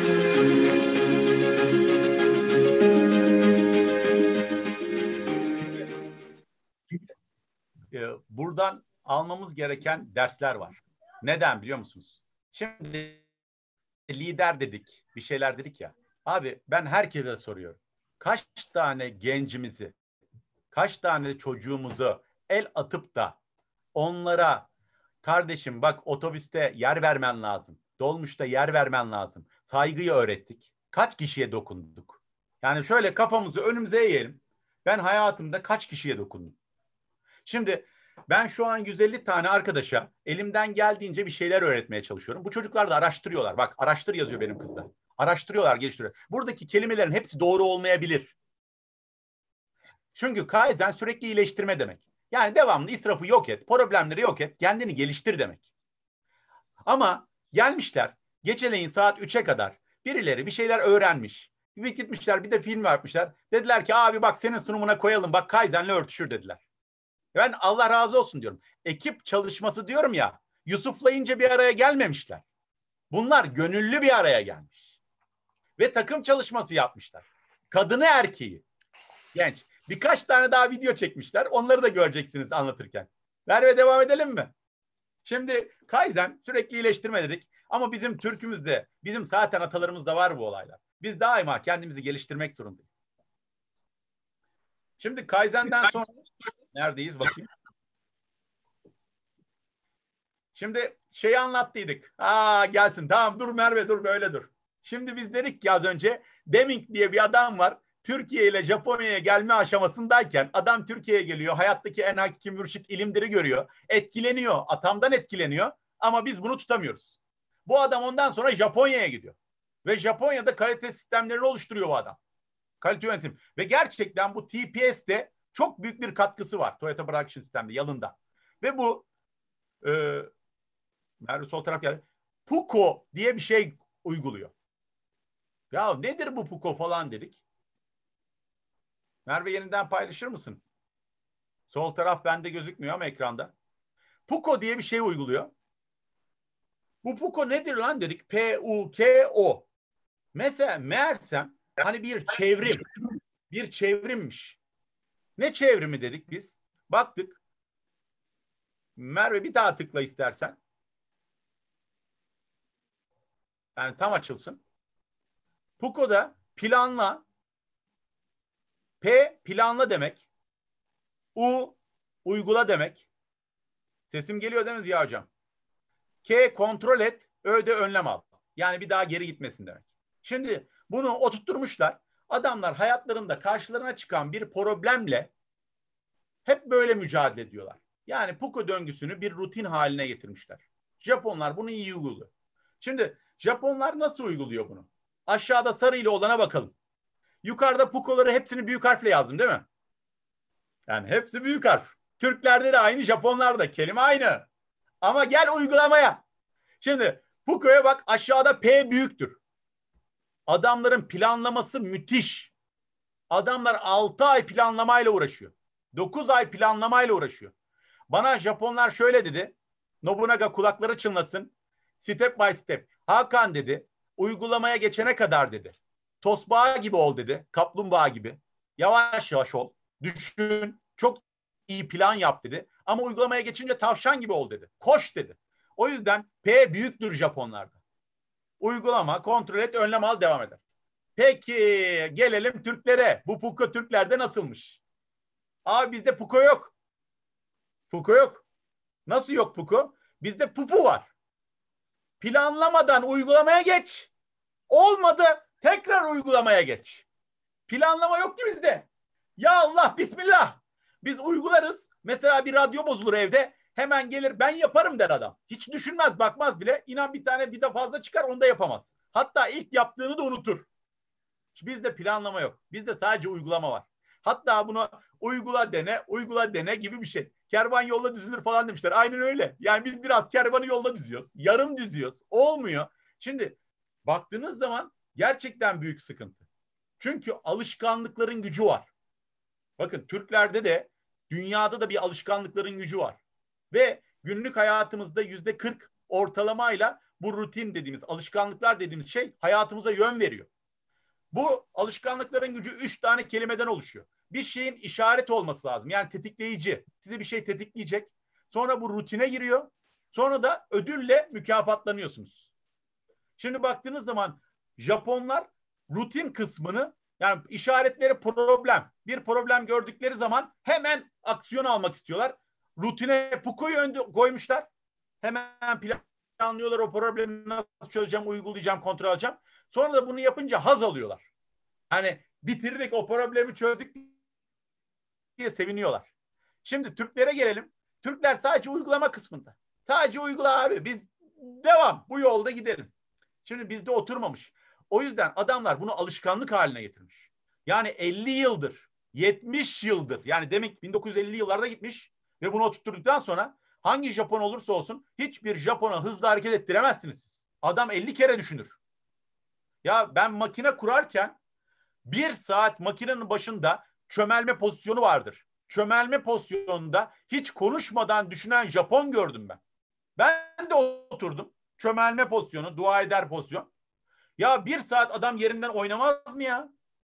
Ne yapıyorsunuz dedim ya. Yani benim canım sıkıldı ayağa kalktım oturdum canım sıkıldı falan. Ne yapıyorsunuz dedim. Adamlar ondan sonra bir karar verdiler. istişare ettiler. Hemen uygulamaya aldılar. Tek seferde doğru. Ben 50 kere uğraşırdım ona. Ya hemen şurasına bir şey yapalım. Hemen burasına bilmem ne yapalım derdim. O yüzden bu Puko döngüsünü hayatımıza doğru bir şekilde oturtturabilirsek. Mesela şimdi örnekleri var. Çin, Japon ya da ne bileyim Güney Kore bir sürü firmada 9 ay plan yapıyorlar. Adamlar bir ayda hastaneyi yapıyor. Bir ayda. Biz hastaneye girsek biz 9 yılda yapıyoruz. Bizim bitmeyen hastanelerle dolu Türkiye. Yani kendimizden örnek. Devam edelim Merve. Şimdi ne geliyor bilmiyorum da. Şimdi bunlar hepsi normalde problem çözme tekniklerine giren, işte kalite yönetim sistemlerine giren, bir sürü şeylere giren şeyleri ben anlattım. Şimdi gelelim 5S'e. İkinci anlatacağım araç. Şimdi 5S, 5S dediler bize Ziya Bey. 5S ne biliyor musunuz? Seyiri, Seiation. Şurada Japonca isimleri var. 5 tane Japonca kelimenin baş harfleri. 5S demişler. Ben, ben de duyunca böyle beş tane sene adamlar beş tane Japonca'nın baş harfini koymuşlar. Tabii bunun Türkçeleri var. Ayıklıyorsun, düzenliyorsun, temizliyorsun, standartlaştır ve disipline et demişler. Yani hayatında sen kendini bu rutine disipline et diyorlar. Bir araç. Şimdi ben size bunu küçük bir örnek anlatacağım. Ben evde bazen oluyor insanoğlu e, tartışmalı zamanlarımız olabiliyor eşinizle meşinizle. Sıkıntılı zamanlarınız olabiliyor. Biz sıkıntılı zaman olunca dedim ki ortada bir balık kılçığı gibi bir şey çizdim. Ya dedim biz dedim problemin kök nedenine inmiyoruz. Bu sıkıntı hiçbir zaman bitmiyor dedim. Ne yaparız dedik. Bu sıkıntıyı bitirebilmek için gel dedim üniversiteye gidelim. Kocaman tahta var. Kocaman tahtaya şöyle bir şey çizelim dedim. Balık kılçığı gibi. Problemleri konuşalım dedim. Şimdi problemleri konuşmaya başlayacağız ama az önce altı şapkalı düşünme metodu falan yazmış arkadaşlar. Beyin fırtınası böyle bir sürü şey var. Tabii eşim konuşmuyor. Dedim ki ya konuş dedim ya problem neyden kaynaklandı? Yazalım dedim. Şimdi bana baktı. Dedim konuş dedim ya beş dakika yalvardım. En son dedi ki Hakan dedi problem sensin dedi. ya abi evlilik iki kişi ya. Evlilik iki kişi. Benim eşim diyor ki problem sensin. Ben gittim problem Hakan Acar yazdım. Dedim ki derine inelim. Neden Hakan Acar? Yani Hakan Acar'ın nesi problem? Ben beş nedeni sorarak böyle derinde yok geç geliyorsun, yok çok çalışıyorsun, yok bilmem ne yapıyorsun. Böyle bir sürü şey yazdı. Sonra bana geçti sıra. Ben dedim ki problem sensin. Ben de ona yazdım. Sonra kaynana, kaynata, çoluk, çocuk, sosyal medya derken o tahta 200 tane sıkıntıyla doldu. 200 tane sıkıntı. Sonra dedik ki bir Pareto analizi yapalım dedik. Hani hangisi önemli, hangisi önemsiz? Önemlileri sıraladık. Aldık 8 tane önemli, 6 tane. Ben bilmiyorum da şimdi. Şimdi o önemlerden bir tanesini ne biliyor musunuz Ziya Bey? Bana yardım etmiyorsun. Standart kadın arkadaşlarımızın eşlerine söylediği kelimedir bu cümledir. Bana yardım etmiyorsun. Hiç yardımcı olmuyorsun. Allah Allah dedim. Şimdi Merve bunu kapatabilirsin. Beni ekrana ver. Çünkü artık beşesi anlatacağım. Şimdi düşünsenize bana yardım etmiyorsun diyen bir eşiniz var. Ben dedim ki tamam dedim yapacağım. Sosyal medya dedi. Sosyal medyadan çıktım. Tamam dedim. Oradan çıktım. Sorunu hallettik. Şimdi bana yardım etmiyorsun. Dedik ki temizlik yapacağız cumartesi günü. Sabah saat 8'de kalkmışız. Evi temizleyeceğiz. Dedim ki sen dedim böyle dedim bana güvendin mi dedim. Bak böyle sistemler güzel oluyor değil mi dedim. Evet dedi ya çok güzel oldu dedi. Problemleri bulduk dedi. Tamam dedim o zaman dedim temizlik de dedim 5S yapalım dedim. O ne ya dedi aynı. Dedim 5 tane Japonca kelime dedim. Boş verin dedim. 5S yapalım. İyi dedi. Mutfaktan başlıyoruz Ziya Bey. Bak sabah saat 8. Girdik mutfağa. Şimdi tabii eşim dinliyor mu, görüyor mu bilmiyorum ama şimdi aramızda kalsın. Şimdi e, izliyor ve kavanozu oraya koyuyor. İşte temizliyor, koyuyor falan. Dedim olmaz. Olmaz öyle temizlik dedim. Tamam senin annen böyle temizliyor. Sen böyle temizliyorsun ama ben böyle temizlemiyorum dedim. Nasıl dedi? Dedim ki bir kere mutfaktaki her şeyi dışarı çıkartacağız dedim. Her şeyi. Demir başlar kalacak dedim. Niye dedi? Bir çıkartalım dedim, bir görelim dedim. Şimdi mutfağın hepsini dışarı çıkarttık. Ana ben kahve almaya gidiyorum ya markete. Meğersem başka rafta da kahve varmış. Ben işte acı biber aldım geçen gün. Başka yerden çıkıyor. Hiç ummadığım yerden çıkıyor. Yani yalandan yere paramı evde var olan bir malzemeyi almaya tüketmişim. Allah Allah. Sonra dışarı çıkarttık. Bütün her şey eşim de şaşırıyor. Aa bu varmış. Aa bu buradan çıktı falan. Sonra dedim ki bunu bir ayıklayalım. Hani bir sınıflandıralım. Ne, ne hani çay ve içecekler şöyle bir işte atıyorum bakliyatlar şöyle olsun. İşte bardaklar şöyle olsun çanaklar. Sonra dedim ki içeriği demir başları şimdi temizliyoruz. Demir başları A'dan Z'ye hepsini dilik dilik temizledik. Dışarıyı da temizledik. Sonra dedim ki sen ne dedim proseslerin başına geçirmek istiyorum. Proses ne dedi? Yani dedim sen bir iş yapmıyor musun mutfakta? Yapıyorum dedi. Tamam o işlerin başına geç. Ne yapıyorsun dedim mutfakta? Yemek yapıyorum dedim. fırının karşısına geçti. Şöyle fırının karşısına durdu. Dedim ki yemek yaparken sana ne ihtiyaç var dedim. Tencere dedi. O zaman tencereye yürümemen lazım dedim. En yakınında olması lazım ki sen o zamanını çocuklarına ayır dedim. Aa doğru diyorsun dedi. Yani yürüyorsun tencereye iki adım atıyorsun yürüyorsun. Tencereleri buraya koyalım dedim. Sonra dedi ki yağ ihtiyacım var dedi. Dur yağ elinin altında olması lazım dedim. Yani sen yürümemen lazım dedim. Neymiş? Yağı çöpün yanına koymuş. Yani uzakta. Yürüyorsun ya. Her gün 3 adım attığını düşünsen 365 günde atıyorum 10 bin adım ediyor ya. Yani gerek yok yani. Sonra dedim ki salça, sonra tuz, biber, baharat. Baharatları böyle bir rafa koyacağız e, fırının üzerinde. Oraya koyma dedi. Niye dedim? Orada dedi kahve fincan takımı vardı dedi. Abi dedim kahve fincan takımını hiç kullandık mı biz? Onu hediye getirmişler. 10 yıldır kullanmamışız Ahmet Bey. 10 yıldır duruyor da süs diye. Dedim ki ya dedim baharatları buraya koyalım. Daha verimli oluruz. Yani kahve fincan takımını al başka bir yere götür. Şimdi proseslerin başında malzemeleri yaklaştırdık. Adım atmadan iş yapmasını sağlıyoruz. Bu sefer ne oldu biliyor musunuz? Şimdi biz bunu yaptık. Sonra standartlaştırdık. Sonra disipline ettik. Tanımlamalarını yaptık. Ve artık böyle olacak dedik. Artık böyle olacak. Tabii kaynana kaynata gelince anne falan gelince değiştiriyorlar.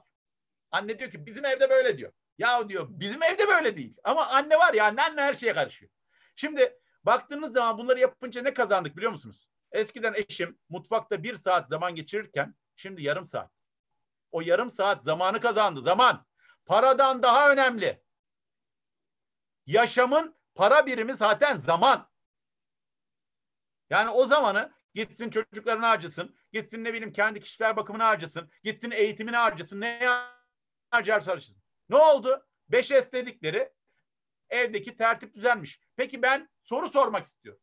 Ya kardeşim zaten 5S ana mantalite olarak bizde kanımızda yok mu? Var. Nasıl var? Ha bu arada şöyle diyeyim Ziya Hocam o gün biz mutfaktan ne zaman çıktık biliyor musun? Gece 12.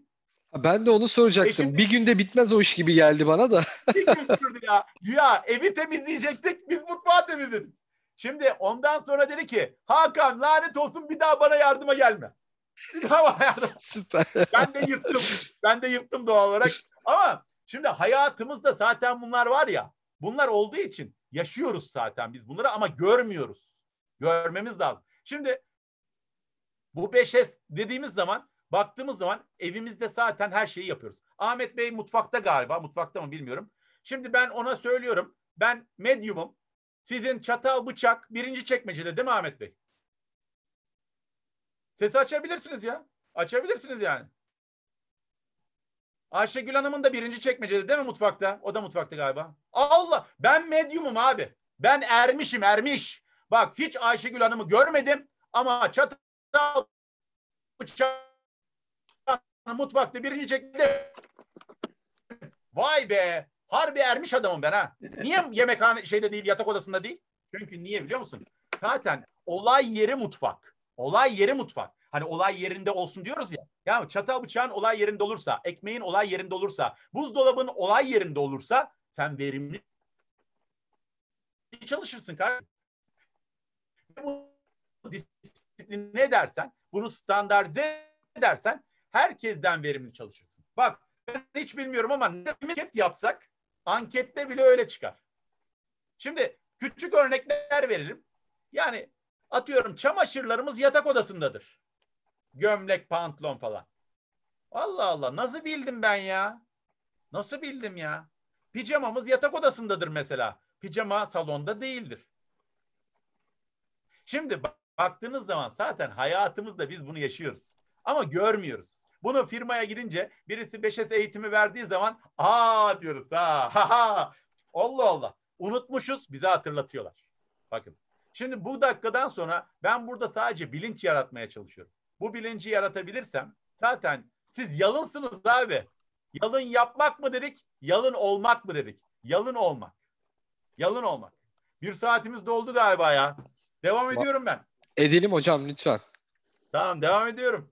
Şimdi 5S ile ilgili bizim çocuklar küçük bir video hazırlamışlar. Onu da bir gösterin yine bir dakikalık. Bakalım ne hazırlamışlar. Merve Setli paylaşırsa.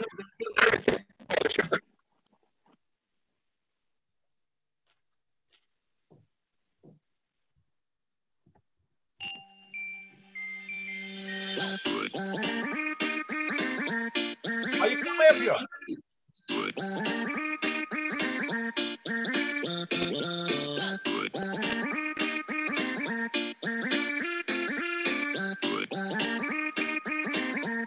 Üzerine bak nasıl karışık. Aradığını bulamıyor.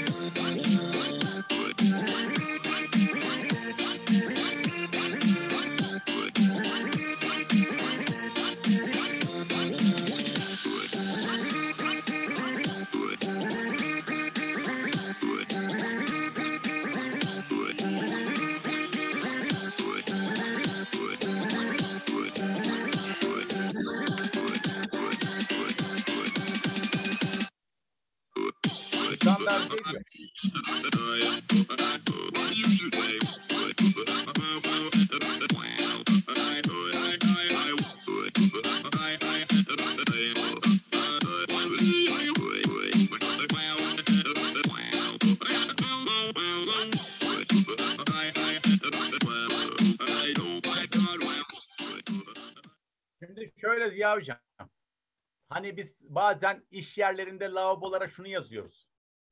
Hani bulduğun gibi bırak. Aldığın gibi bırak. Yani disipline et, standart et. Yani kötü bırakma diye. Ya hayatımızın her yerinde bunlar var. Şimdi çocuklar masalarından örnek vermişler. Kalemleri düzgün koyarsan daha hızlı olursun. İşte düzenli bırak.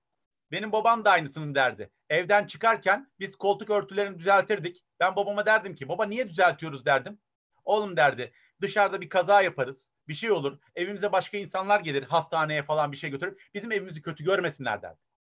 Şimdi atalarımız bunu demiş. Benim babam e, sizin de lambalarınız var. Hani bu tuvalet ışığı, bu da işte salonun ışığı diye üzerine etiketlettirirdi. Tanımlattırırdı. İşte garajın önündeki yere derdi ki park yapılmaz diye Hakan yaz, insanlara uyarı olsun derdi. O yazıları ben yazardım zaten.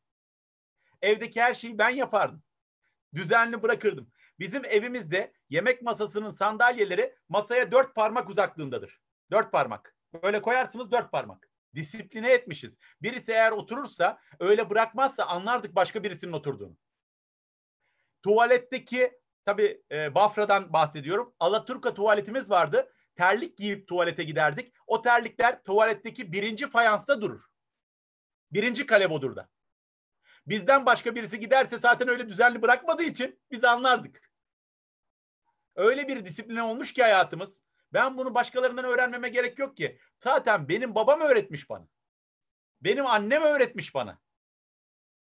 Yatağını topla demez mi hiçbir anne? Hani çocuklara diyoruz ya yatağını topla sabahleyin diye. Zaten disipline ediyoruz onu. Düzenli bırak diyoruz. Devam edelim Merve bakalım ne geliyor bundan sonra. 2-3 sayfa kaldı galiba. Ya e, kusura bakmayın bir saat açtım ama yani o dört günlük eğitimi sığdırdık. Çok güzel oldu. Elinize sağlık. Çok güzel gidiyor. Şimdi Ziya Hocam ya değer var dedik ya değer. Bir değer var bir de değer olmayan kısım. Değer olmayan kısım israftır. İsraf. İsrafı bize dışarıda kimsenin öğretmesi gerek yok. Biz zaten israfı biliyoruz. Şimdi Japonlar 7 büyük israf demişler ilk önce. Sonra da 7 artı 1 yani 8 büyük israf demişler. 8. israfı kullanılmayan bilgi demişler. Yani insanların beyinlerinden, fikirlerinden faydalanmıyorsan bu israftır demişler. Şimdi bu israflar ne? Bekleme, israf demişler. Yani bir iş yerinde bekliyorsa birisi israf. Allah Allah. Şimdi ben size o soruyorum hocam. Dışarıda İETT otobüsüne bineceksin. Ne zaman zamanında geldi İstanbul'da? Ya hayatının yüzde onu, yüzde yirmisi zaten beklemeyle geçiyor. Yani biz bekleyen bir milletiz ne yazık ki. Fazla üretim demiş, taşıma demiş, hareket etmek demiş, envanter, gereksiz işlem, kullanılmayan bilgi, hurda tamir demiş. Şimdi ben bazı da soru işaretleri koydum. Bu soru işaretleri bence israf 7 artı 1 değil. Belki de 70 artı 1. Belki de 700 artı 1. Çünkü neden biliyor musunuz? Artık iş yerlerinde başka israflar tanımlanmaya başladı. Nasıl israflar? Mesela adam sigara yasak ya. Sigara yasak. Adam lavaboya gidiyorum diyor. Tamam mı lavaboya? Abi lavaboda adam sigara içiyor. 20 dakika gelmiyor. Abi bu da israf. Sigara içmeyen adama 2000 lira veriyorum. Sigara içen adama da 2000 lira veriyorum. Sen 20 dakika sigara içiyorsun. Hani benim adaletim? Hani ben adildim? Hani ben adil yöneticiydim? Yani israf o. Ha biz sana başka türlü bir çözüm bulalım. Ama lavabolar mesela israf olmaya başladı. Hani artık o adamı takip ediyorsunuz. Dijitalde onu demiyor mu? Adamı takip et diyor. Şimdi baktığınız zaman bu israfları hiç böyle şeyde aramayalım. Ne diyelim? Dışarıda aramayalım. Mesela küçük bir örnek vereceğim. Ziya Hocam kaç kişisin evde? Biz üç kişiyiz. Abi yemek kaç kişilik yapılıyor? Genelde üç kişilik yapılıyor. Allah Allah. Senin eşin niye 20 kişilik yemek yapıp da bir haftayı kapatmıyor? Bir defa yemek yapacak, 20 kişilik yapacak, bir hafta gidecek ye, aynı yemeği ye. Fazla üretim yapacak. Niye yapmıyor? Yani taze taze yemek için yapıyor sürekli. Abi ya şimdi eşine eziyet değil mi? Her gün bir saat mutfakta yemek yapmayla uğraşıyor. Her gün farklı yemek. Eziyet değil mi eşine? Evet. Yapsın sana fazla üretim yapsın. Bir kazan yemek yapsın kuru fasulye. Bir defa yapar. Bir hafta eşin bir daha mutfağa gitmez. Şimdi fazla üretim demişler ya. Abi biz yetebildiği kadar yapıyoruz zaten. Bak proje bazlı çalışma. Ya abi eşimizden daha iyi, annemizden daha iyi proje bazlı kimse çalışamaz. Nasıl? Ya işte hani Ayşegül Hanım'ı görüyorum, Süheyla Hanım'ı görüyorum. Onlardan örnek veriyorum. Bir gün börek yapıyor. Proje bazlı bak, proje bazlı. Niye? Eşi börek istedi diye. Ya da bir misafiri gelecek. Bir gün yaprak sarması yapıyor. Abi bak bunlar ayrı ayrı üretimler. Yani üretim modelleri ayrı bunların. Yani börek yapma sisteminle yaprak sarması yapma sistemin aynı değil. Bir günde kuru fasulye yapıyor. Hatta pastırmalı. Ya boş ver bunları hadi geçtim. Bir gün sana balık yapıyor. Şimdi bak her biri farklı farklı üretim sistemi. Ama projeye bazlı çalışıyor işin. Hiçbir zaman şunu dedi mi? Akşam saat 7'de yemeğe oturduğun zaman bugün balık yaptığım için yemek 7'ye yetişmiyor. Gece 12'de senin önüne yemek getireceğim dedi mi? Demedi. Tam zamanında üretim yapıyor o kadın. Just in time diyor Japonlar buna. Ya kardeşim uzağa gitme. Annem yapıyor zaten bunu. İftarda tam zamanda üretim yapmıyor mu? Ezan okundu, top patladı, saldırıyorsun ya. Saldırıyorsun yani. Ve farklı farklı üretim yapıyor. Aynı anda yapıyor. Biz fabrikada aynı anda farklı üretim olmazmış. Ne Japonlar seri üretim yaptıkları için böyle yapıyormuş. Lan bahaneyle gelme bana ya. Bana bahaneyle gelme. Ben evimden örnek veriyorum sana. Evimden, evimden. Anamdan veriyorum, bacımdan veriyorum. Ama iş yerinde işte olay nereye geliyor biliyor musun abi? Ey Türk gençliğinin yetişmesine geliyor. O gençliğin yetişmesine geliyor. O yüzden buradan sesleniyorum. Annelere, babalara, dedelere, babaannelere sesleniyorum. Biz gençleri öyle bir iyi eğitmeliyiz ki, öyle bir iyi yetiştirmeliyiz ki onlar bu gördüklerini sahalarda uygulayacaklar. Hiç uzağa gitmeyeceğim bak. Ne güzel örnek verdim. Yeşe her gün yemek yapıyor. Gerek yok. Fazla üretim yapsın ama yapmıyor. Çünkü niye? Stok dedik. Abi az önce dedim ben sana. Sen gidince ya Allah aşkına markete gidince kaç kilo salatalık alıyorsun? Bir kilo. Abi niye bir kilo? Ya böyle bir 10 kilo alsan da bir daha markete gitmesen stok yapamıyorsun değil mi? Evinde yerin de yok. Zaten alsan çürütürsün çöpe atarsın. Peki hurda hurda dedik. Hurda. Ya abi çöp tenekesi sizin hurdanız değil mi? Şimdi ben eve gelince ne yazık ki bu yalın olmak mı yalın yapmak mı dedik ya. Şimdi eve gelince ben çöpe bakıyorum. Yani çöpte ara ara bak yani gözüm gidiyor ister istemez. Bir bakıyorum ki bir tane elma çürümüş ve atmışlar. Diyorum ki ya diyorum yazık israf ettik. Milli servet. Dışarıda şurada dilenen arkadaşlar var. Aç arkadaşlar var. Kağıt toplayan çocuklar var. Ve ben o elmayı çöpe attım diye şuram kanıyor. Sonra diyorum ki hanıma niye çöpe attık? Ben kim kim attı demem. Ben kimseyi suçlamam. Ben kök nedenine inmek istiyorum. Bak yalın da onu der. Kök nedenine in. Üstünü yara bantıyla kapatma diyor. Ben diyorum ki hanıma niye attık? Ya işte fazla geldi çocuklar yemedi. Kaç kilo aldıydık hanıma diyorum bak. Yine gidiyorum. İki kilo aldık. Bir dahakine diyorum bir buçuk kilo alalım. Çünkü demek ki biz bir buçuk kilo tüketiyoruz. Hiç fazlaya gitmeyelim. Değil mi? Fazlaya gitmeye gerek var mı? Ve biz bir dahaki hafta elma atmıyoruz abi çöpe. İsraf yapmıyoruz. Bak stoklarımızı yönetiyoruz. Peki bu tedarik zinciri değil de ne? Bana söyler misiniz ya bu tedarik zinciri değil de ne? Lojistik değil de ne? Taşımacılık değil de ne? Yani şuradan marketten taşımacılık abi. Getiriyorsun işte arabayla olsun. Yani niye uzağa gidiyoruz ya? Hayatımız tedarik zinciri olmuş. Hayatımız prosesler olmuş, üretim olmuş. Hayatımız düzen olmuş, disiplin olmuş. Hiç uzağa gitmiyorum bak. Hiç gitmiyorum. Ve şöyle de bir alışkanlığımız var. Hani bazı stoklarımız e, tüketilme miktarına göre daha değişiyor. Yani stok dengeleme de yapıyoruz biz. Mesela en çok tükettiklerin en fazla varken, sirkil olurken en az tükettiklerin daha ayrı. Mesela buzluk alıyorsun ya da buzluğuna koyuyorsun. Diyorsun ki e, mevsimde atıyorum domatesi ya da biberi neyse mevsiminde yapıyorsun konserve. Konserve dedikleri şey. Onu kışın yiyorsun, yayıyorsun. Şimdi hiç uzağa gitmeye gerek yok abi. Hayatımızda zaten bu israflar var. Hatta bir, bir iki sayfa kaldı galiba. Bizim çocuklar küçük israfları göstermişler. Hayatımızdan örnekler. Onları bir görelim. Ondan sonra da son sayfayla kapatalım artık. Bir gösterir misin Merve sesiyle? Evet.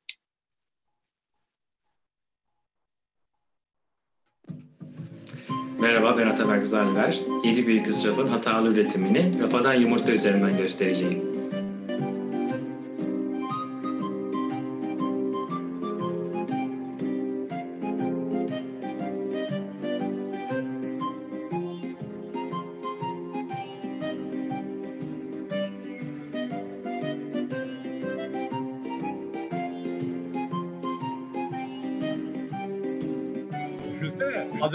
10 kişilik yapıyor musun pilavı diye. İhtiyacı kadar. Merhaba, adım Ahsen Eskiçırak. Bugün sizlere 7 büyük israftan biri olan fazla stoğu anlatacağım.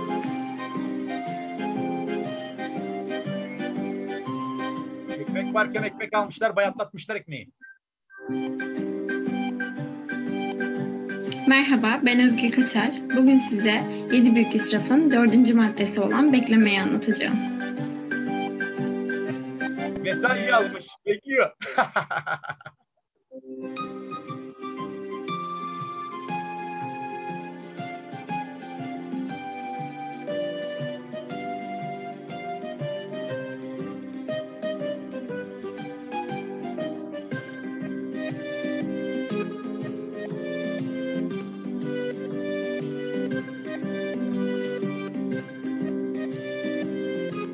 Merhaba ben Eren Atagan. Bugün size 7 temel israftan birisi olan gereksiz işleri dolap üzerinde anlatacağım.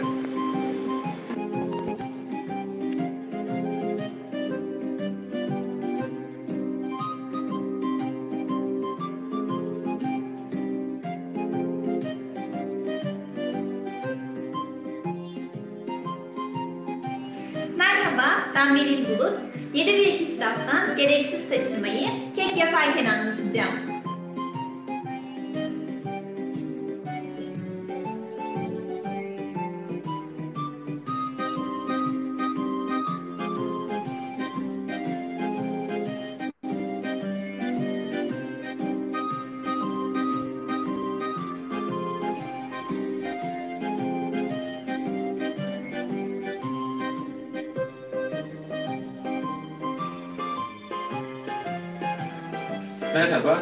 Kürşat Deniz.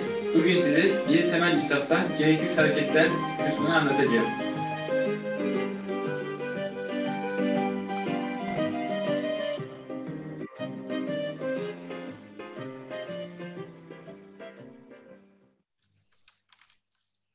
Merve bir sonraki sayfayı açalım ya da ben kalayım. Şimdi şöyle abi. Şimdi israflar var dedik ya hayatımızda. Arkadaşlar mutfaktaki taşımacılık israf dediler. Daha kolay nasıl taşırız? Daha yakına nasıl koyarız dediler. Rafadan yumurtaya bayıldım. Bayıldım. Yani rafadan yumurta yapmak istiyorsun ama pişmiş yumurta oluyor. Bu israf. Yani adam rafadan istiyor. Bu iş yerlerinde de var. Her yerde var. Şimdi baktığınız zaman hayatımızda var. Bayat ekmeğe de bayıldım. Babaannem o bayat ekmeği bana yediriyor Ziya Bey. O bayat ekmeği kafama vura vura vura yediriyor. Niye biliyor musunuz? İlk önce buğular, yumuşatır. Onu da yiyemedik diyelim. Yumurtalar, yumurtalı yapar. Onu da yiyemedik diyelim. Yemin ederim çorbaya doğrar yine önüne getirir. Şimdi abi bana kimse israf öğretmesin. Bana kimse öğretmesin. Beyci Acar'ı yani babaannemi alsınlar size israfın kitabını yazar.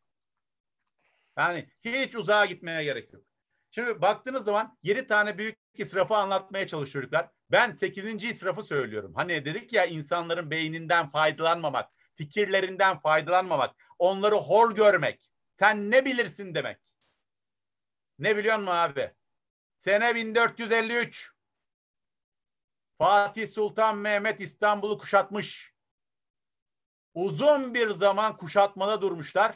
Asker artık yılmış, bıkmış. Gidelim, buraya geçemeyiz dermişler. Artık hangi cin fikirli dediyse, bu Fatih Sultan Mehmet de olabilir, bu oradaki bir arkadaş da olabilir. Gemileri karadan yürütelim demişler.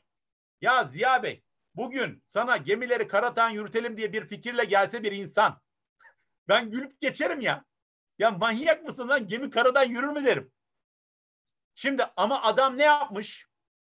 O fikre değer vermiş. Bak değer vermiş. O fikri uygulamış. 21 yaşında bir çağ kapatmış, bir çağ açmış.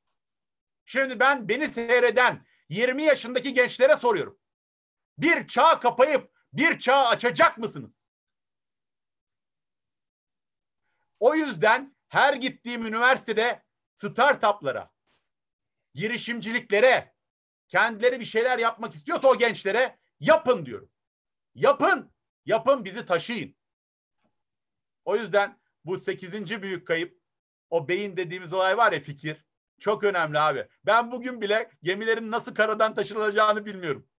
Yani bana bugün bile birisi gelse deli derim deli. Deli lan bu derim. Şimdi bazen startup fikirleri oluyor. Bize çok uçuk kaçık geliyor. Çok uçuk kaçık oluyor. Neyse devam edelim Merve. Hayatımızdan e, o örnekleri göstereyim ve geçelim. Yedi büyük israfla ilgili sekiz neyse on yirmi neyse adı. Bir donma falan oluyor mu Ziya Hocam? Şu anda gayet iyi hocam. Arada bir sizin internet bağlantısı yavaşlıyor ama hemen toparlanıyor sonra. Ya bizim çocuğu alamadım. Tablet oynuyormuş ya. Şimdi, şimdi hayatımızdan örnekleri böyle post-it'le yaptık. İsraflar dedim ya. Mesela gereğinden fazla bilgi. Hani bazen gereksiz bilgi de israf oluyor. Ekstra kopyalar, dokümanların depolanması, fazla sayıda onay, bürokrasi. Yani Ziya Hocam onaylayacak, Ahmet Hocam onaylayacak, Hakan onaylayacak. Birden fazla inceleme, talepten daha fazla üretmek, maile dönüş bekleme abi. Ben sana mail atıyorum, akşama kadar bekliyorum dönse de yapsam diye. İşte sürekli bir şey aramak, hani devamlı yanında. İşte bir insanın cevabı, cihazı, bilgiyi beklemek, eğitim eksiklikleri, saklama koşulları, kirli ve tozlu lambalar, enerjiyi daha fazla yaktırıyor. Doğal kaynakların bilinçsizce kullanımı, ihtiyaçtan fazla alışveriş yapmak vesaire vesaire vesaire. Merve son sayfaya geçelim. Galiba son sayfaya geldik. Böyle de kapatıyoruz. Ziyacım bak yılda Türkiye'de her yıl 18 milyon ton meyve ve sebze çöpe gidiyormuş abi. 18 milyon ton. Dünyada israf edilen yiyeceklerin sadece yüzde 25'i ile yetersiz beslenen 795 milyon insan doyabilirmiş. Ülkemizde bir yılda çöpe atılan 2.1 milyar adet ekmek var. İşte yılda sadece o bir ofis çalışanı 81 kilo verimli kağıdı çöpe atıyormuş. Her 10 kişiden bir kişi temiz su kaynaklarına erişemiyor bu sebeple. Atık kağıdının ağaç yerine kullanılmasıyla yüzde 25, yüzde 70'e arası enerji tasarrufu bilmem ne. İşte aşağıda yemek mutfaktan örnek veriyorum. Kapaksız kapta yemek pişirmek 3 kat daha enerji tüketilmesine sebep veriyor. Kirli ve tozlu lambalar yüzde 25 daha fazla enerji tüketiyor. Kapalı ve uygun perdeler pencerelerden ısı kaybının yüzde 25 oranında önlüyor falan filan. Merve kapatalım artık. Şimdi bu çoğalır gider. No problem, big problem demiş Taichi ona. Ben çok seviyorum. Her zaman bir problem vardır. Önemli olan problemleri görmeyi öğrenmek ve bunlarla mücadele etmek, vazgeçmemek. Kapatalım. Artık gelelim. Şimdi ben öncelikle beni dinlediğiniz için çok teşekkür ederim. Gerçekten hani e, bunu yapmak ve olmak dedim ya. Yanlış anlamayın. Ben yaşıyorum. Yaşadığım için böyle hiddetli anlatıyorum. Şiddetli. Yani benim yüreğimden çıkıyor o sözler. Dudaklarımdan değil. O yüzden kalbim biraz sesli konuştuysa, eğer yanlış yaptıysam, sürçülisan olduysa herkesten özür dilerim.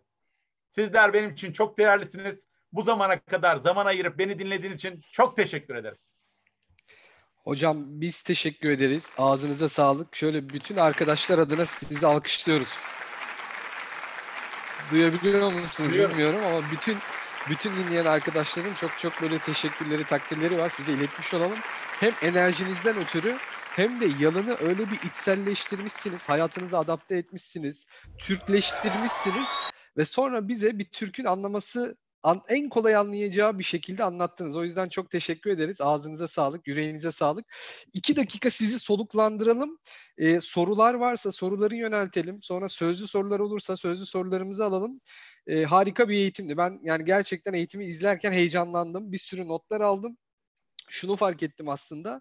Yalın dönüşümün detaylarına hakim değilim ama ben de evde sürekli optimizasyon yapıyorum. Yani eşimle alakalı, mutfakla alakalı, evdeki aletlerle alakalı yerleri değiştirip bir şekilde kısa yollar bulmaya çalışıyorum. Yaptığım şey aslında 5S'in birkaç parçasını yapmışım. Sonra şey geldi aklıma sizi dinlerken bu mutfakla alakalı e, yaptığınız o hamlede McDonald's'ın bir filmi vardı hatırlarsanız. Pamuk. Ee, Evet o Mac- McDonald's'ın o sistemini oradaki o değer önerisi de 2 dakika 3 dakika içinde hamburgeri hazır edebilmekte. Adamlar günlerce belki de haftalarca bir basketbol sahasında yere mutfağı çizdiler. Evet. Sanki mutfaktaymış gibi çalıştılar ve biri de onları yukarıdan izlemişti. Bir merdivenden böyle yukarıdan. Ne hangi tezgahın nerede, nereye yakın ve kimin nerede çalışacağını belirlemişlerdi. O geldi aklıma. Gerçekten süperdi. Ağzınıza Ya, sağlık hocam. Çok Ya teşekkür hocam, ederiz. orada da küçük bir örnek vereyim. Şimdi yine evde ev taşıyoruz. Şimdi ev taşıyınca ne yazık ki ne yazık ki e, biz erkekler biraz e, fiziksel gücümüz fazla olduğu için e, evde koltukları falan biz yerleştiriyoruz. Hani ittir getir koltuğu yerleştiriyorum. Üçlü koltuk oraya, ikili koltuk oraya, tekli koltuk oraya yerleştiriyorum. Bakın hareket böyle. Eş bakar, kadın Olmadı Hakan. Şu koltuğu şuraya getir. Bunu böyle yap. Sonra sen uğraşırsın. Getirirsin. Yine bakar o. Olmadı. Ya eskisi daha iyiydi. Ya abi belim ağrıdı belim. Ondan sonra ne yaptım biliyor musun? Birebir odanın küçüğünü kağıda çizdim. Birebir hani küçüğü. Sonra o koltukların da küçüklerini çizdim. Sonra koydum Lego gibi önüne. Al istediği kadar değiştirdir. Son halini bana söyle ben onu yapacağım. Hayatımızda var zaten. Yani gerçekten var. Ama görmek lazım. Hani işin içine girmek lazım. Deneyimlemek lazım. Bazen bir musibet bin nasihattan iyi oluyor. Süper, süper. Ağzınıza sağlık hocam. Ee, şimdi devam edelim sorularla, arkadaşlarımızın, dostlarımızın yorumlarıyla. Ama kısaca bizim yollarımızı kesiştiren Valorem'den de bahsetmek istiyorum. Ee, ne kadar oldu? Bir ay olmadı bizim sizle tanışalı Evet. bir araya geliş. Hatta hatırlıyorum Ali Rıza hocamızın toplantısı sonrasında Endüstri 4.0 ile alakalı bir eğitim sonrasında tanışmıştık sizinle. Öyle hatırlıyorum. Şimdi biz ne yapıyoruz? Valorem nedir? İlk kez dinleyen dostlarımıza kısaca bahsetmek isteriz. Valorem Latince'de değer anlamına geliyor ve bir değer takımı kuruyoruz. Kendimize, çevremize ve ülkemize değer katmaya odaklanmış bir ekiple yepyeni bir e, danışmanlık platformu inşa ediyoruz. Bunu yaparken de amacımız e, aslında e, burada da e, misyonumuz ve vizyonumuz sizle çok uyuşuyor. KOBİ'lerin, işletmelerin, e, ticari firmaların e, maliyetlerini düşürebilmek, süreçlerini optimize edebilmek, karlarını arttırıp daha fazla müşteriye, daha fazla potansiyele pazara ulaşabilmesini sağlamak ve onları varsa da olası risklerden koruyabilecek çözümler sunmak. Bunu da nasıl yapıyoruz? Tabii ki de insan gücüyle artık yapmak çok zor. Müthiş bir teknolojik dönüşüm içerisindeyiz. Teknolojinin nimetlerini kullanarak yapıyoruz. Yazılımları, algoritmaları, yapay zekaları, sistemleri, bütün bu teknolojileri bu kobilere, firmalara ulaştırarak yapıyoruz. Ve şunu söylüyoruz aslında. Bugünlerde böyle iliklerimize kadar hissettiğimiz bu dijital dönüşüm, teknolojim dönüş, dönüşüm karşısında mutlaka kendimizi doğru bir şekilde pozisyonlamamız gerekiyor. Ya buradan teknoloji zade olarak çıkacağız ya da maalesef teknoloji zede olacağız. Böyle bir gelecek var karşımızda. Eskiden yani ilk bu toplantıyı biz bu e, metni söylediğimizde pandemi yoktu. 5 yıl sonra böyle olacak diyorduk ya. Hocam 5 yıl falan bitti. birkaç ay sonra teknoloji zede olmaya başlayan kişiler, kurumlar, topluluklar göreceğiz. Şimdiden ne yapıp edip kendimizi bu e, dijital dönüşüme, teknolojik dönüşüme adapte etmemiz gerekiyor. Bu cuma akşamı yani yarın akşam da bu konuyu masaya yatıracağız. E, çok değerli hocamız Ahmet Cezmi Gümüt hocamızla birlikte emek tabanlı bir gelir modelinden teknoloji tabanlı bir gelir modeline nasıl geçilir?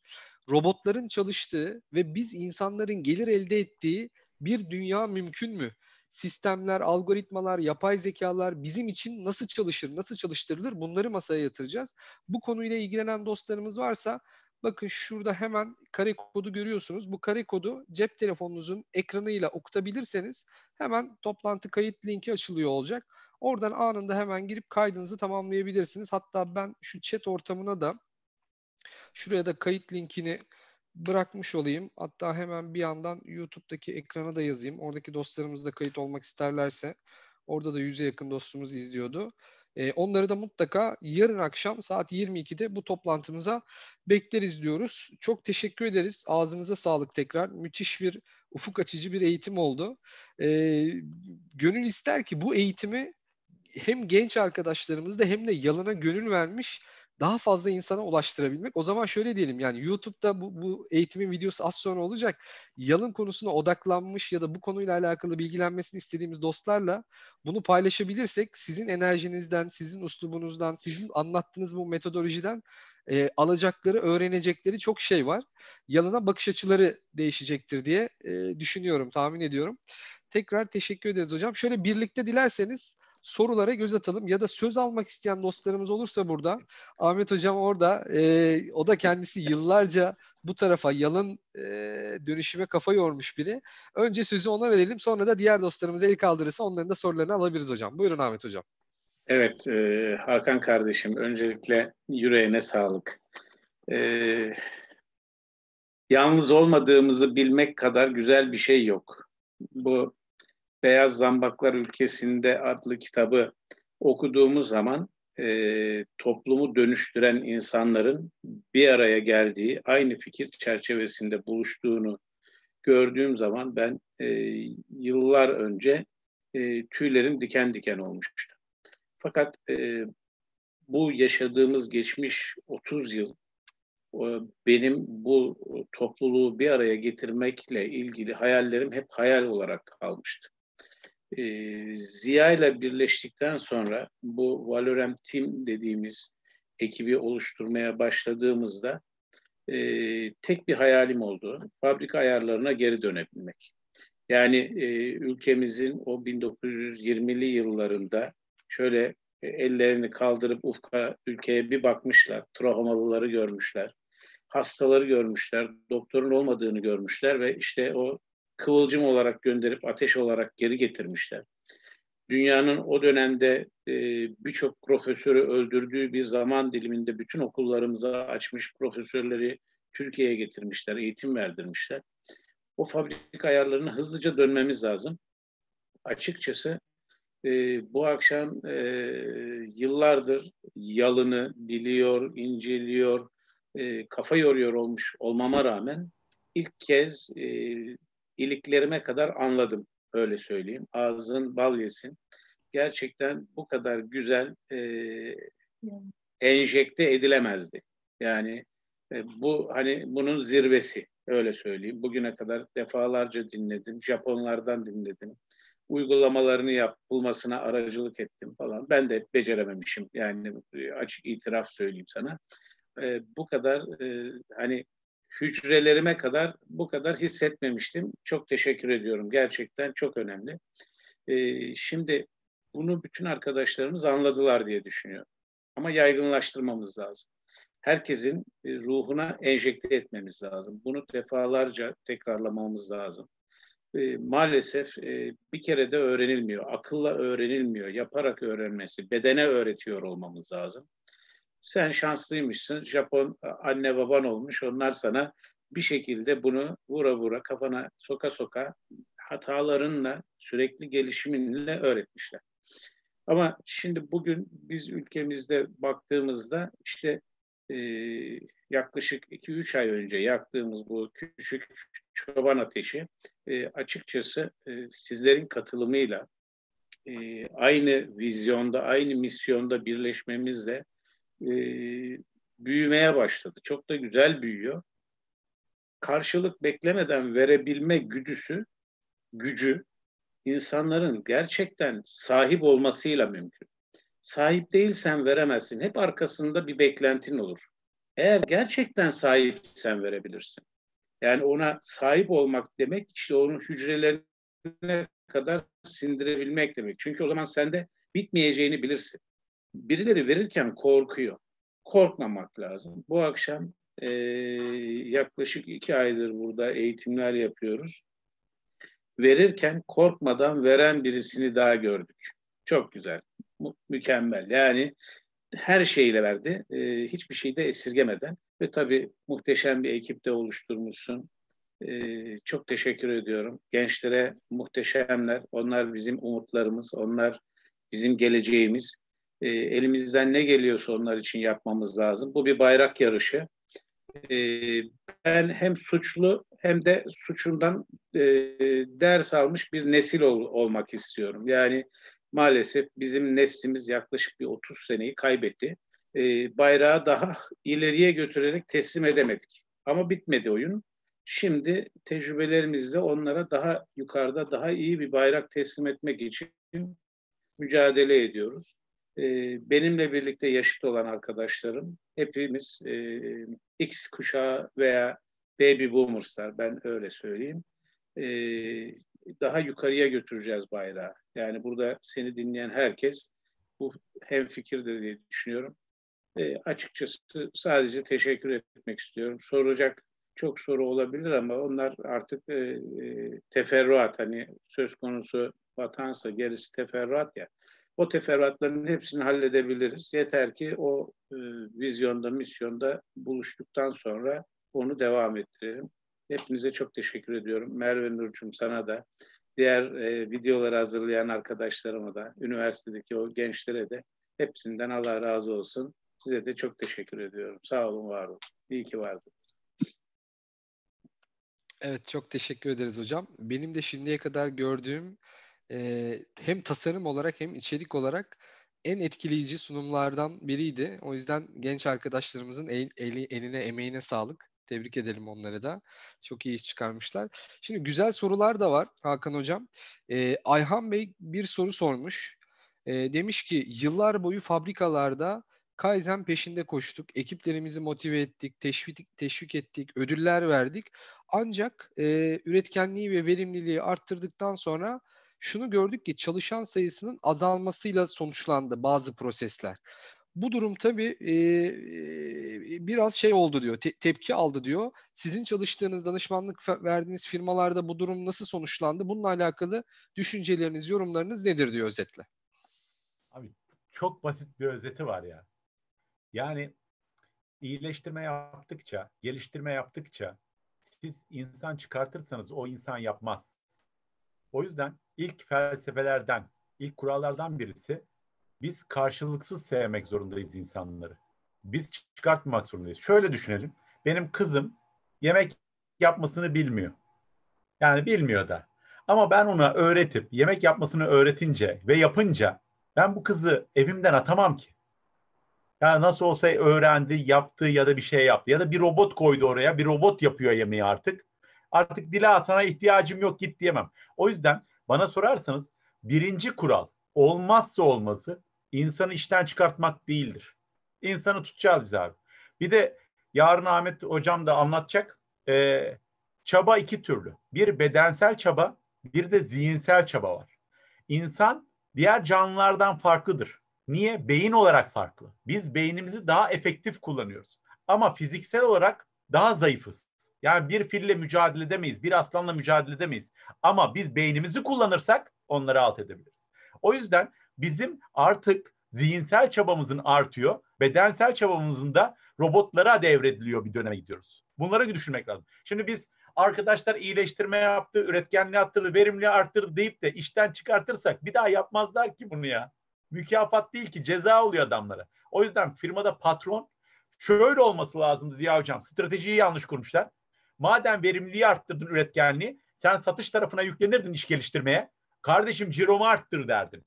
Ben ihracat yapmak istiyorum derdin. Bak kapasiten boşaldı, o kapasiteyi dolduralım derdin. Zaten yalının felsefesinde de onun diyor.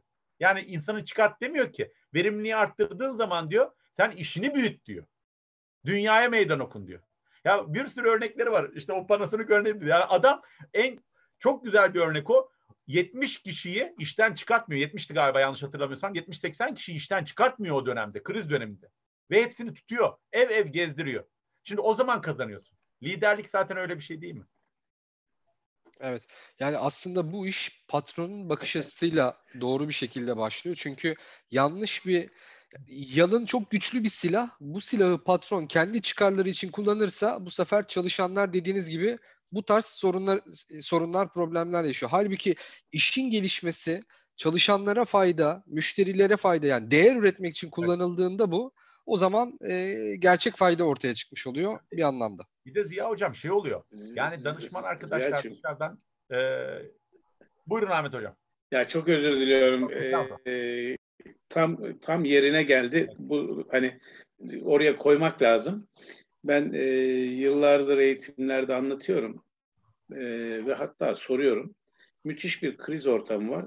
E, Bay Toyoda e, e, geliyor diyor ki bizim diyor yönetim kurulu dün konuştu. İşçi çıkartmamız lazım olduğunu söylediler. Yani bu krizden çıkabilmek için. Ama ben bütün gece düşündüm ve e, size soruyorum diyor işçi çıkartalım mı yoksa herkesin maaşından bir yüzde on kesinti yapalım bu krizi atlattıktan sonra yine devam mı edelim? İşçiler maaşlarından yüzde on kesintiye razı oluyorlar. Krizi atlattıktan sonra tekrar adamlara yani e, bir formül bulunabilir. E, o insanları üretime katmak için bir formül bulunabilir. Böyle 2006 yılıydı galiba. Manda eğitim yaptım ben e, Ankara'da. E, bazı işçilerin ustabaşlarını işten atma kararı vermişler ama eğitim süresi geldi diye adamı da eğitime almışlar. Biz eğitimi bitirdiğimizde o ustabaşları fabrikada bize yer gösterin, ağaç dikeceğiz, e, çöpleri şöyle yapacağız, böyle yapacağız deyince atmaktan vazgeçtiler. O adamlar muhteşem işler yaptılar. Yani önemli olan bakış açısı, o paradigmayı bir kere yerleştirebilirsek ondan sonrası zaten çok kolay oluyor. İşte e, bizim patronlarımızın e, paradigmalarında hata var. Yani bu paradigmalardaki hatayı düzeltmemiz lazım. E, düzelecek ama yani ben ümitsiz değilim. Ümitsiz bizim karakterimizde yok yani. Onu onu öyle söylüyor işte. Atam da aynı şeyi söylüyor. Biz de öyle olacağız. E, diyeyim yine kusuruma bakmayın. Ben e, Ziya'cığım sen kapat benim sesim yoksa ben yine Yok yok konuşacağım. estağfurullah. Buyurun hocam. Çok demek? teşekkür ediyorum. Sağ olun. Ahmet Hocam bir de şey de var. Şimdi patron böyle düşünürken patronu böyle düşündüğünü düşünen danışman arkadaşlar da var. Yani hemen iş yerine gittiği zaman patrona şunu diyor. 6 ayda ben sana 1 milyon dolar kazandıracağım. Nasıl? İşte bak buraları birleştireceğim, buraları şöyle yapacağım. Bak 10 adam tasarruf edeceksin. Abi şimdi biz neyi satıyoruz? Yani ona bakmak lazım. Yani o yüzden adam hızlı bir şekilde bir iyileştirme göstereyim diyor. Yalın araçlarını kullanıyor. Bu sefer 10 adam tasarruf ettim diyor patron. 10 adam tasarruf ettim ama işi büyütmedim. Adamları çıkartıyorlar. O yüzden yanlış hani bir tavuk yumurta yumurta tavuk olayları da oluyor orada. Evet. Peki, teşekkür ederiz. Siz de soruları görebiliyor musunuz? Ben de bir yandan YouTube'a bakayım şöyle. YouTube'dan hem güzel yorumlar var, onları iletmiş olayım size. Hem de e, Hande Hanım bir eklemede bulunmuş. En büyük israf e, bilgilerini paylaşmayan bir neslin e, yetiştirmeyi atladığı cevherler oldu. Arkadan gelen yeni nesli kastediyor galiba. Aynen, Evet, ç- çok doğru söylemiş. İşte e, Hakan hocam gibi, diğer değerli hocalarımız gibi biz de buradaki e, ufak da olsa bir boşluğu doldurabilmeye çalışıyoruz. Yani burada herkes kendi uzmanlığıyla alakalı çok değerli bilgileri paylaşıyorlar. Hem genç arkadaşlarımız hem bu konunun detaylarına hakim olmak isteyen e, bütün dostlarımız buradan istifade ediyor. Yani şu anda da muhteşem geri bildirimler alıyoruz. LinkedIn'den olsun, sosyal medyadan olsun. 2500'ün üzerinde YouTube'da takipçiye ulaştık ya da 2500'e yaklaşıyor şu anda. Tamamen organik ve bu bir buçuk ay içerisinde oldu hocam. Bir ayda 1000 kişi olmuştu. Son 15-20 günde bir 1500 kişi daha oldu ve hızla da artıyor. Bu e, çok da bir yandan sevindirici bir şey. Çünkü bu değerli bilgiler bugün bizi izleyen birkaç yüz kişiyle kalmayacak.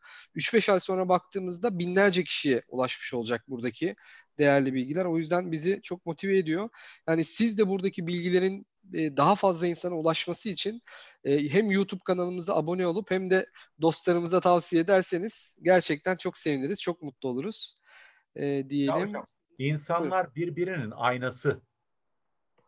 Yani siz nasıl bakıyorsanız zaten öyle görüyorlar. Yani mesela sizin bir haftada iki haftada 2000'e gelmeniz bir mucize değil. Zaten öyle bakıyorsunuz siz. Öyle baktığınız müddetçe bunlar olacak. Bence daha da büyüyecek. Ya bak yine diyorum değer odak yani o valöre mi valorem tim ya. Yani çok güzel bir kelime ya. Yani çok güzel bir kelime. İnsana değer vermek, emeğine değer vermek, saygı göstermek. Yani o yüzden ben e, inanıyorum ki çok daha fazlaları olacak. İnşallah. İnşallah hep birlikte. Ayhan Bey şey sormuş. Endüstri 4.0 hakkında ne düşünüyor hocamız demiş. Ee, kaçınılmaz bir gerçek mi yoksa bir balon mu demiş. Yani şey ben basitçe diyorum. İlk önce israflardan arınacaksınız. Yalın olacaksınız. Yani felsefeniz böyle olacak. E, ondan sonra tabii ki teknolojiye ayak uyduracaksınız. Ama bir de çeviklik var. Ben Türk insanı çeviktir diyorum. Yani öyle değil mi? Yani öyle çevik olmanız lazım. Anında adapte olmanız lazım. Hızlı bir değişim. E, kaslarınızın kuvvetli olması lazım o kaslarınızın. Ondan sonra da şimdi e, bilmiyorum belki Ahmet Hocam da hatırlar. Ziya Hocam siz de hatırlarsınız. Zamanında elektrik süpürgesi yoktu evimizde. Bir Gırgır vardı. vardı. Süpürge. Benim babaannem onunla beni döverdi. Yani o sapıyla beni döverdi. Eğitim, e, eğitim aracı. Aynen öyle. Terlikle fırlatır bir de o vardı. Şimdi baktığınız zaman o süpürge zamanında pazarlamacılar evlere geliyordu. Bak diyordu sim, neydi o? Simtel miydi? Ee, işte o, o zamanın e, süpürgeleri onları tanıtıyorlardı. Ama, onları ama sen onu nasıl hatırlıyorsun ya? ben herkes diyordu ki ya diyordu elektrik harcı olur mu o süpürge var canavar gibi diyordu. Şimdi ne kadar satmak için ne kadar uğraştılar adamlar. Hatta halı yıkama makineleri dediler bilmem ne dediler. Şimdi baktığınız zaman evimizde öyle süpürgeler var ki ya Türk kahvesini bakır e, cezvede yapıyorduk. Şimdi Arçelik yaptı, ürün geliştirdi. Tık düğmeye basıyorsunuz Türk kahveniz oluyor. Şimdi biz eğer bu teknolojiye ulaşamazsak, uğraşmazsak yani teknolojiyi bizim üzerimize entegre etmezsek olmuyor. Bedensel çabanın her şeyin karşılığını Endüstri 4.0 var. Mesela ben şunu diyorum, hayal değil bunlar. Evde Charlie diye bir robotunuz olacak. Charlie. E, otomatlar gibi düşünün. Hani dışarıda e, 10 lira atıyorsunuz da cappuccino'nun tuşuna basıyorsunuz da cappuccino veriyor ya size. Şimdi Charlie gel diyeceğim. Charlie gelecek. Charlie'ye diyeceğim Türk kahvesi diyeceğim. Şöyle göbeğini açacak. Türk kahvesini çıkartacak. İçeceksin. Koyacaksın. Charlie gidecek bulaşık makinesine koyacak. Uzak değil. Uzak değil. Çok yakın zamanda evimizde robotlarımız olacak. Peki bir soru daha soruyorum. Ahmet hocam da hatırlar sen de hatırlarsın. Hatta bir sürü arkadaş hatırlar. Sene 1980'ler. Kemal Sunal Fatma Girik'le bir film çevirdi. Kemal Sunal Fatma Girik'e aşık ama bir türlü pas vermiyor Fatma Girik. Sonra Kemal Sunal bir Japon'un hayatını kurtarıyor İstanbul'da. İyilik yapıyor. Japon da diyor ki bunun aşkını görünce dur diyor ben Japonya'ya gidince diyor sana bir iyilik yapacağım diyor. Japonya'dan Fatma Girik'in robotunu yolluyor. Kemal Sunal bir görüyor şaşırıyor böyle. Aa robot falan gibi böyle tuhaf. Fatma Girik gelmiş. Sonra Fatma Girik'le o robotla aşk yaşıyor. Yani şimdi abi 30 yıl öncesinin filmi bu. Yok mu? Neydi o? Sofya Sofya. Çıkıyor şeye ee, panele, konferansa seninle konuşuyor. Değil mi abi? Yapmadılar mı? Ben şimdi yarın parasını ödesem 20 bin dolar, 50 bin dolar Angelina Jolie'nin robotunu bana evime yollarlar. Ya 30, 30 yıl önce Kemal Sunal'la Fatma Girik senaryosunu Türkler yazmış. Şimdi 30 yıllık değişim internet yokken öyleydi. Şimdi internet uzay yapay zeka çağında bir yılda oluyor. Belki bir yıl bile değil. Altı ayda. Ya hiç uzağa gitmeyin bak. Hiç uzağa gitmeye gerek yok. Kemal Sunal'la Fatma Girik'in filmini herkes hatırlar. O yüzden Endüstri 4.0 hayatımızda zaten. Sadece bir, şurada dikkat edelim. İsraflı bir şekilde teknolojiye geçmeyelim. Çünkü bu sefer salak teknoloji olur. Hani diyoruz ya bilgisayar yapmadı. Abi sen yanlış veri girmişsin. Yani bilgisayarın suçu yok ki. Ama adam ne diyor? Bilgisayar yapmadı. Ya yanlış girersen yanlış yapar adam bilgisayar. O yüzden bedensel çabanın yerine tamamen teknoloji alacak. Bana sorarsanız biz yönetilenler tarafta değil, yönetenler tarafta nasıl olacak diye düşüneceğiz. Yarın öbür gün yönetilenler 10. bölge olacak, 10. bölgede kalacak yönetilenler. Zaten robotlar onların işini yapıyor. Şimdi diyorlar ki işimizi elimizden alacak diyorlar. Abi sen rutinde durursan, konfor alanından çıkmazsan, bedensel güçle çalışıp da kendini geliştirmezsen, kafanı kullanmazsan beynini kusura bakma. Senin yerini robot alır. Alacak. Evet süper. Teşekkürler. Güzel yorum. Ayhan Bey'e şeyi tavsiye edebiliriz. YouTube kanalımızda Ali Rıza hocamızın Endüstri evet. 4.0 ile ilgili çok güzel bir söyleşisi oldu. 2 saat, bir buçuk saat falan sürdü. Yine tekrar onu konuk edeceğiz ama mutlaka onu izlemesini önerebiliriz. Çok teşekkür ederiz. Ee, Ali Bey demiş ki 4.0 bitti gibi artık 5.0'a bakmalıyız demiş. Endüstri 5.0 geliyor demek istemiş galiba. Toplum 5.0. Abi evet. onu da söyleyeyim. Bak toplum 5.0 diyoruz ya. Şimdi devrimler dedik, ilkeler, inkılaplar dedik. Yine diyorum 80'li yıllar Kibar Feyzo filmini hatırlıyor musunuz? Kemal Sunal. Aa kovirim lan seni diyor. Müjdarla. Dışarı gidiyor şehre çalışmaya. Orada bir bakıyor evlenen bir çift var. Gidiyor kaç lira verdin diyor kaç lira. Diyor ki ne parası diyor. Ya diyor kızı diyor bedava mı aldın diyor. Kardeşim diyor başlık parası kalktı diyor. Sonra bu köye geliyor. Diyor ki başlık parası yok diyor. Bak sevinin diyor. Yine köyden kovuyorlar bunu. Bak yenilik getiriyor köye. Sonra gidiyor. Tuvalet yolda tuvaletini yapıyor. Diyorlar ki o dövüyorlar bunu. Diyorlar ki bak tuvalet var bir de paralı. Köye gidiyor tuvalet kuruyor. Aa diyor yine kovuyor bunu. Şimdi arkadaşlar yani yenilik zaten içimizde. Sadece o kaslarımızı geliştirip bunu çabuk kabullenmek zorundayız. Hiç itiraz yok. Dünya gidiyor.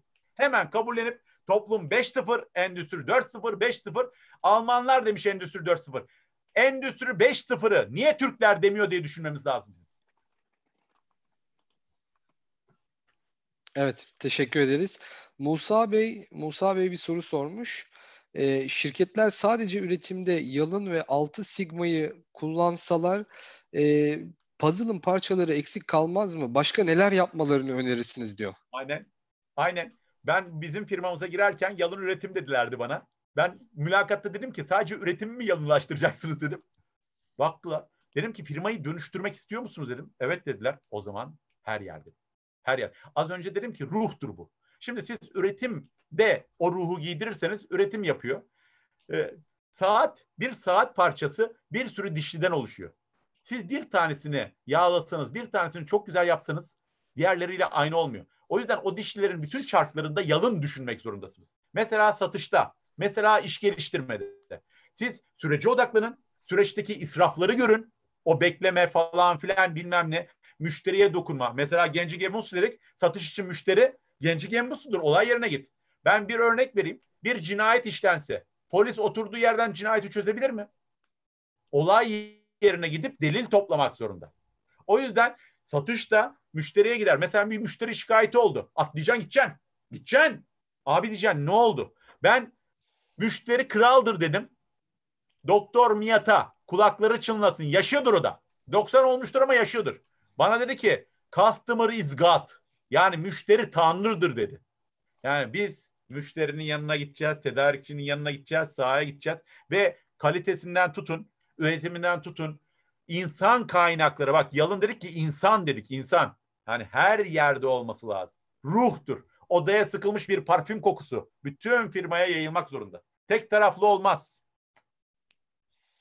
Evet, teşekkür ederiz. Şebnem Hanım ee, çok derin bir soru sormuş. Onu yönelteyim. Bakalım nasıl bir cevap gelecek Hakan Hocam. Demiş ki zaman alan uğraşlardan kurtulduğumuzda işte yemek yemek, temizlik yapmak, bakım vesaire gibi e, biz varoluş amacımızı bulabilecek miyiz? Yoksa bu mu- mücadele mi bizim işimiz? Sonuçta bize ne kalıyor, ne yapacağız? E, üst bilince geçebilecek miyiz? Zaman daha da hızlanacak mı? Demiş. Abi şöyle düşün. Problemler ya da sıkıntılar neyse misafirler gibidir. Mesela benim evime bazı misafirler geliyor 10-15 dakika bir oturuyor gidiyor. Hani bazı misafirler geliyor akşamleyin 2-3 saat oturuyor çay falan içiyoruz kahve. Bazı misafirler geliyor 2-3 günlüğüne. Hani böyle yurt dışından gelenler falan oluyor. Bazı misafirler geliyor. Annem, babam, kaynanam, kaynatam gibi 2-3 ay kalıyor mesela. Şimdi problemler de öyle. Aynı hastalıklar gibi. Nezle olursunuz 3 günde geçer. Ama kanser olursunuz 5 5 yılda geçer. Atıyorum. Hani şimdi baktığınız zaman hiçbir zaman ben problemin bittiğini görmedim. Sıkıntını. Şimdi Ahmet Cezmi hocama sorsam kesin problemleri vardır. Kesin vardır ya. Yani küçük vardır, büyük vardır ama kesinlikle vardır. Şimdi, Ahmet hocam onununu eledi ya. Ahmet hocamın problemi yok. Şöyle, ben, e, ben e, Hakan'cığım e, ölülerin problemi yok. Öldüysen problemin yok. Şu anda nefes almak gibi bir problemin var. Hem de onu doğru düzgün almak gibi. Bir de içinde virüs olsa mesela ayvayı yiyeceğim. Demek ki e, doğru nefes almak gibi bir problemin var. Yani e, sadece ölülerin problemi yok. Allah kimseyi problemsiz bırakmasın. Orada bir şey var abi. Biz, benim e, görme engelli bir arkadaşım var. 35 yaşında gözlerini kaybetti çocuk. Kadıköy'de İstanbul'da yaşıyordu. Gözlerini kaybetti. Şimdi 42 yaşında o da benimle yaşıt. Beni arar. Kadir gecesinde de aradı. Yine konuşuyoruz. Bak görme engelli beni arıyor. Şimdi diyor ki Hakan diyor Kadıköy'de diyor kaç tane kırtasiye var biliyor musun dedi kitapçı. Dedim iki tanesini saydım da üçüncü yok. Sonra dedi ki bunun yanında şu var oraya gittin mi dedi. Yok dedim. Bir tarif etti şurada şu var dedi. Yaptın mı dedim yok dedim. Dedi ki Hakan dedi ben dedi görmeyi gözlerimi kaybettikten sonra öğrendim dedi. Şimdi biz bakıyoruz göremiyoruz. Yani görmeyi öğrenmemiz lazım. Bize problemler bitmez. Biterse yenisi gelecek. Her daim yenisi var. Hani evin eşyası bitmez, ihtiyacı bitmez diyorlar ya evlendiğiniz zaman. Abi 10 yıl geçiyor yine bitmiyor ya. Yani bitmez. Ha bitti diyelim. Azaldı diyelim. Çok azaldı. Sen zaten kendini o zamanı yarattığın zaman sen kendini geliştirecek işler yapıyorsun. Mesela bu pandemi döneminde ben yüzde 40 kendimi geliştirirken hani zamanımı yüzde 40 bunu aktarmaya yüzde 20 de işte ailemle ya da etrafımla hani onu bölüyorsun. Mutlaka ya Mevlana'yı düşünün. Yukarıdan geliyor, alıyorsun, ben içim diyor ve aktarıyorsun. Hiçbir zaman o zaman boşa geçmiyor. Bir gün o zaman öğrendiklerini aktarmak isteyecek. Yani mutlaka bir şey var. Evet hocam teşekkür ederiz. Şimdi şimdi bir sürü de Merve var toplantıda. Merve Hanım var. İsimler karışmış. Hangi Merve bilemiyoruz yani. Merve'nin ee, evet Merve Nur Hanımlardan bir tanesi diyelim o zaman. Güzel bir film önerisinde bulunmuş. Ben onun ismini söylemeyeyim ama siz ne tavsiye edersiniz? Bugün anlattığınız eğitimin üzerine dostlarımızın hangi filmleri izlemesini önerirsiniz hocam? Abi ben e, 2012 yılında Hindistan'a gittim.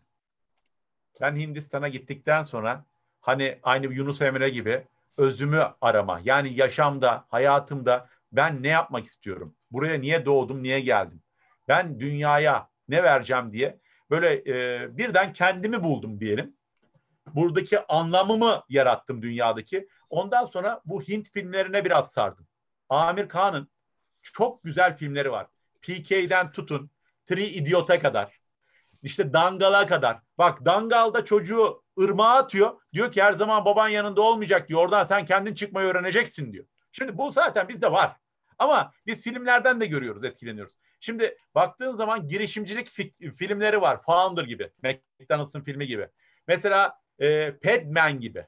Padman'i seyrettiniz mi Hint filmi? Padman. O e, hanımefendilerin pedini yapmak için adam nasıl bir mücadele veriyor ama o mücadeleyi para için vermiyor o mücadeleyi halkı için, devleti için, o kadınlar için veriyor.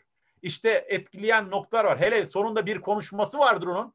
Beni benden alıyor. Şimdi filmler, kitaplar ya da gezdiğiniz, gördüğünüz yerler. Bana sorarsanız herkesin kendi dünyasında ayrı şeyleri var bunların.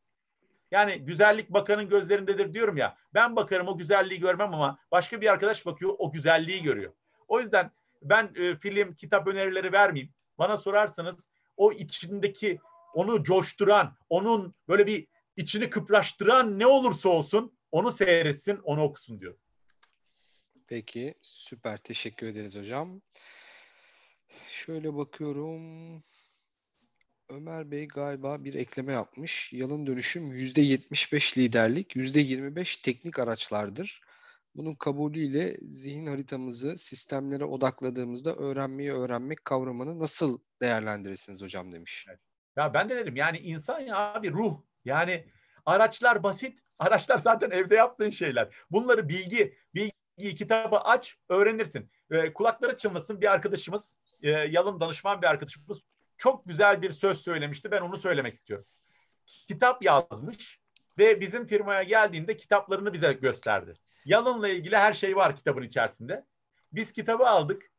Ee, şirketteki yönetici arkadaşlardan birisi dedi ki ya bu kitapları aldık dedi. İçinde var nasıl yapılacağı dedi. Sana niye ihtiyacımız var dedi. O da pratik cevap zeki oluyorlar. Dedi ki Kur'an-ı Kerim gelmiş ama dedi bir de peygamber yollamışlar dedi. Şimdi baktığınız zaman olay mentörde, üst akılda. Yani şimdi bazen bizim danışmanlara ya da bilgiye, tecrübeye para vermezler. Hani ustalar bir çiviyi çakar, 12 lira alır. Ya bir çiviyi çaktın derler, ustalık o tecrübe derler. Şimdi baktığınız zaman mentörler, tecrübe, ustalık kısımları, insan kısmı, araçta bir şey yok. Kitaplarda yazıyor. İnternete girin. Yalınla ilgili, Kaizen'le ilgili, 5S'le ilgili hepsinin eğitimleri var. Dinlersiniz. Ama o insanın içselleştirmesi, o ruhu giymesi gerekiyor. O yüzden ben o liderlik, ahilik yani o çırak, kalfa usta, o döngüye girme, o ruhu yaşama. O çok önemli. Siz onu aktarıyorsunuz. Şimdi düşünsenize 10-15 tane arkadaşımız 20 tane neyse film çektiler ya. Bunu araştırdılar, öğrendiler. Bak ben anlatmadım, eğitim vermedim ben onlara. Ama içselleştirmeye çalışıyorlar. Şimdi irdiliyorlar. Hayatlarında zaten varmış, farkına vardılar. Yani birilerinde onları itmesi lazım. Hani yavaş yavaş. Balığı pişirip önlerine koymuyorum. O balığı nasıl tutacaklarını öğrenecekler. O yüzden sıkıntıları anlarlar. Bu gölde balık çıkmıyor derler. Evet hocam süper çok teşekkür ederiz. Bir yandan saate bakıyorum sahur sahur programlarıyla şu anda çakıştık. Ee, öyle söyleyeyim. Sahura kadar da devam ederiz. Çok da keyifli bu arada. Ee, ama şey yapalım soruları da ben hızlıca bitirdim diye tahmin ediyorum. Herkes çok teşekkür ediyor bu arada. Ağzınıza sağlık hocam. Bu akşamın şöyle bir hatıra fotoğrafını çekelim hep birlikte. Dostlarımız kameralarını açsın hocam. Dilerseniz şöyle. Herkes kameralarını açarsa bir Oo, ekran İbrahim görüntüsü Bey, alalım.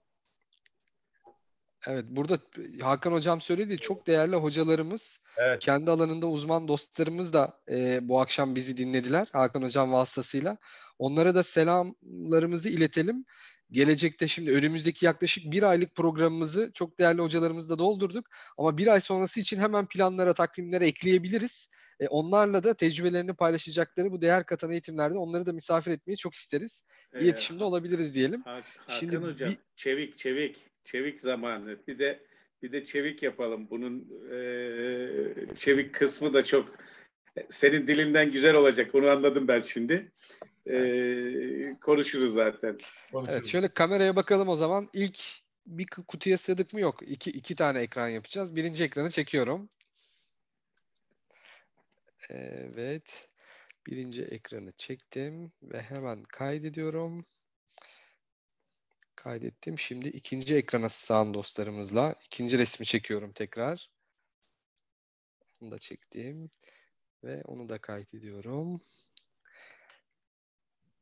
Evet, harika. Peki değerli dostlar çok teşekkür ederiz hocam. Hakan hocam ağzınıza sağlık sizin de. Yarın akşam Ahmet hocamla birlikte böyle zihin açıcı bir toplantı yapacağız. Robotlar bizim için nasıl çalışır? Nasıl böyle bir e, emek tabanlı bir modelden teknoloji tabanlı bir gelir modeline geçeriz? Bunu masaya yatıracağız. Bir sonraki akşam da Arife gününe denk geliyor. Bayramın hemen öncesi. Orada da İngilizce ile alakalı çok özel bir eğitimimiz olacak. İngilizceyi nasıl akıcı konuşabiliriz? Bu konuda uzman bir dostumuzu misafir edeceğiz. Ee, yarın akşam ve bir sonraki eğitimlerde görüşmek üzere diyelim. Herkese çok teşekkür ederiz. İyi akşamlar dileriz. İyi akşamlar. Çok sağ olun. Ziya, Ziya'cığım, e, Beril, Beril burada, Ataberk burada, Merve Nur burada, Özge burada, Ufuk burada, Erenay burada. Gerçekten e, Merve Nur, e, ikinci Merve Nur diyelim, o Merve Nur değil tahmin ediyorum ama ismi öyle gözüküyor. E, Evet. Gençlere çok teşekkür ediyorum, muhteşemsiniz. Evet, Sağ olun, iyi ki videodaki buradaydınız. arkadaşlarımız. Çok teşekkür Çok teşekkürler. İyi akşamlar. Hoşçakalın. İyi akşamlar. Çok sağ olun. ediyorum.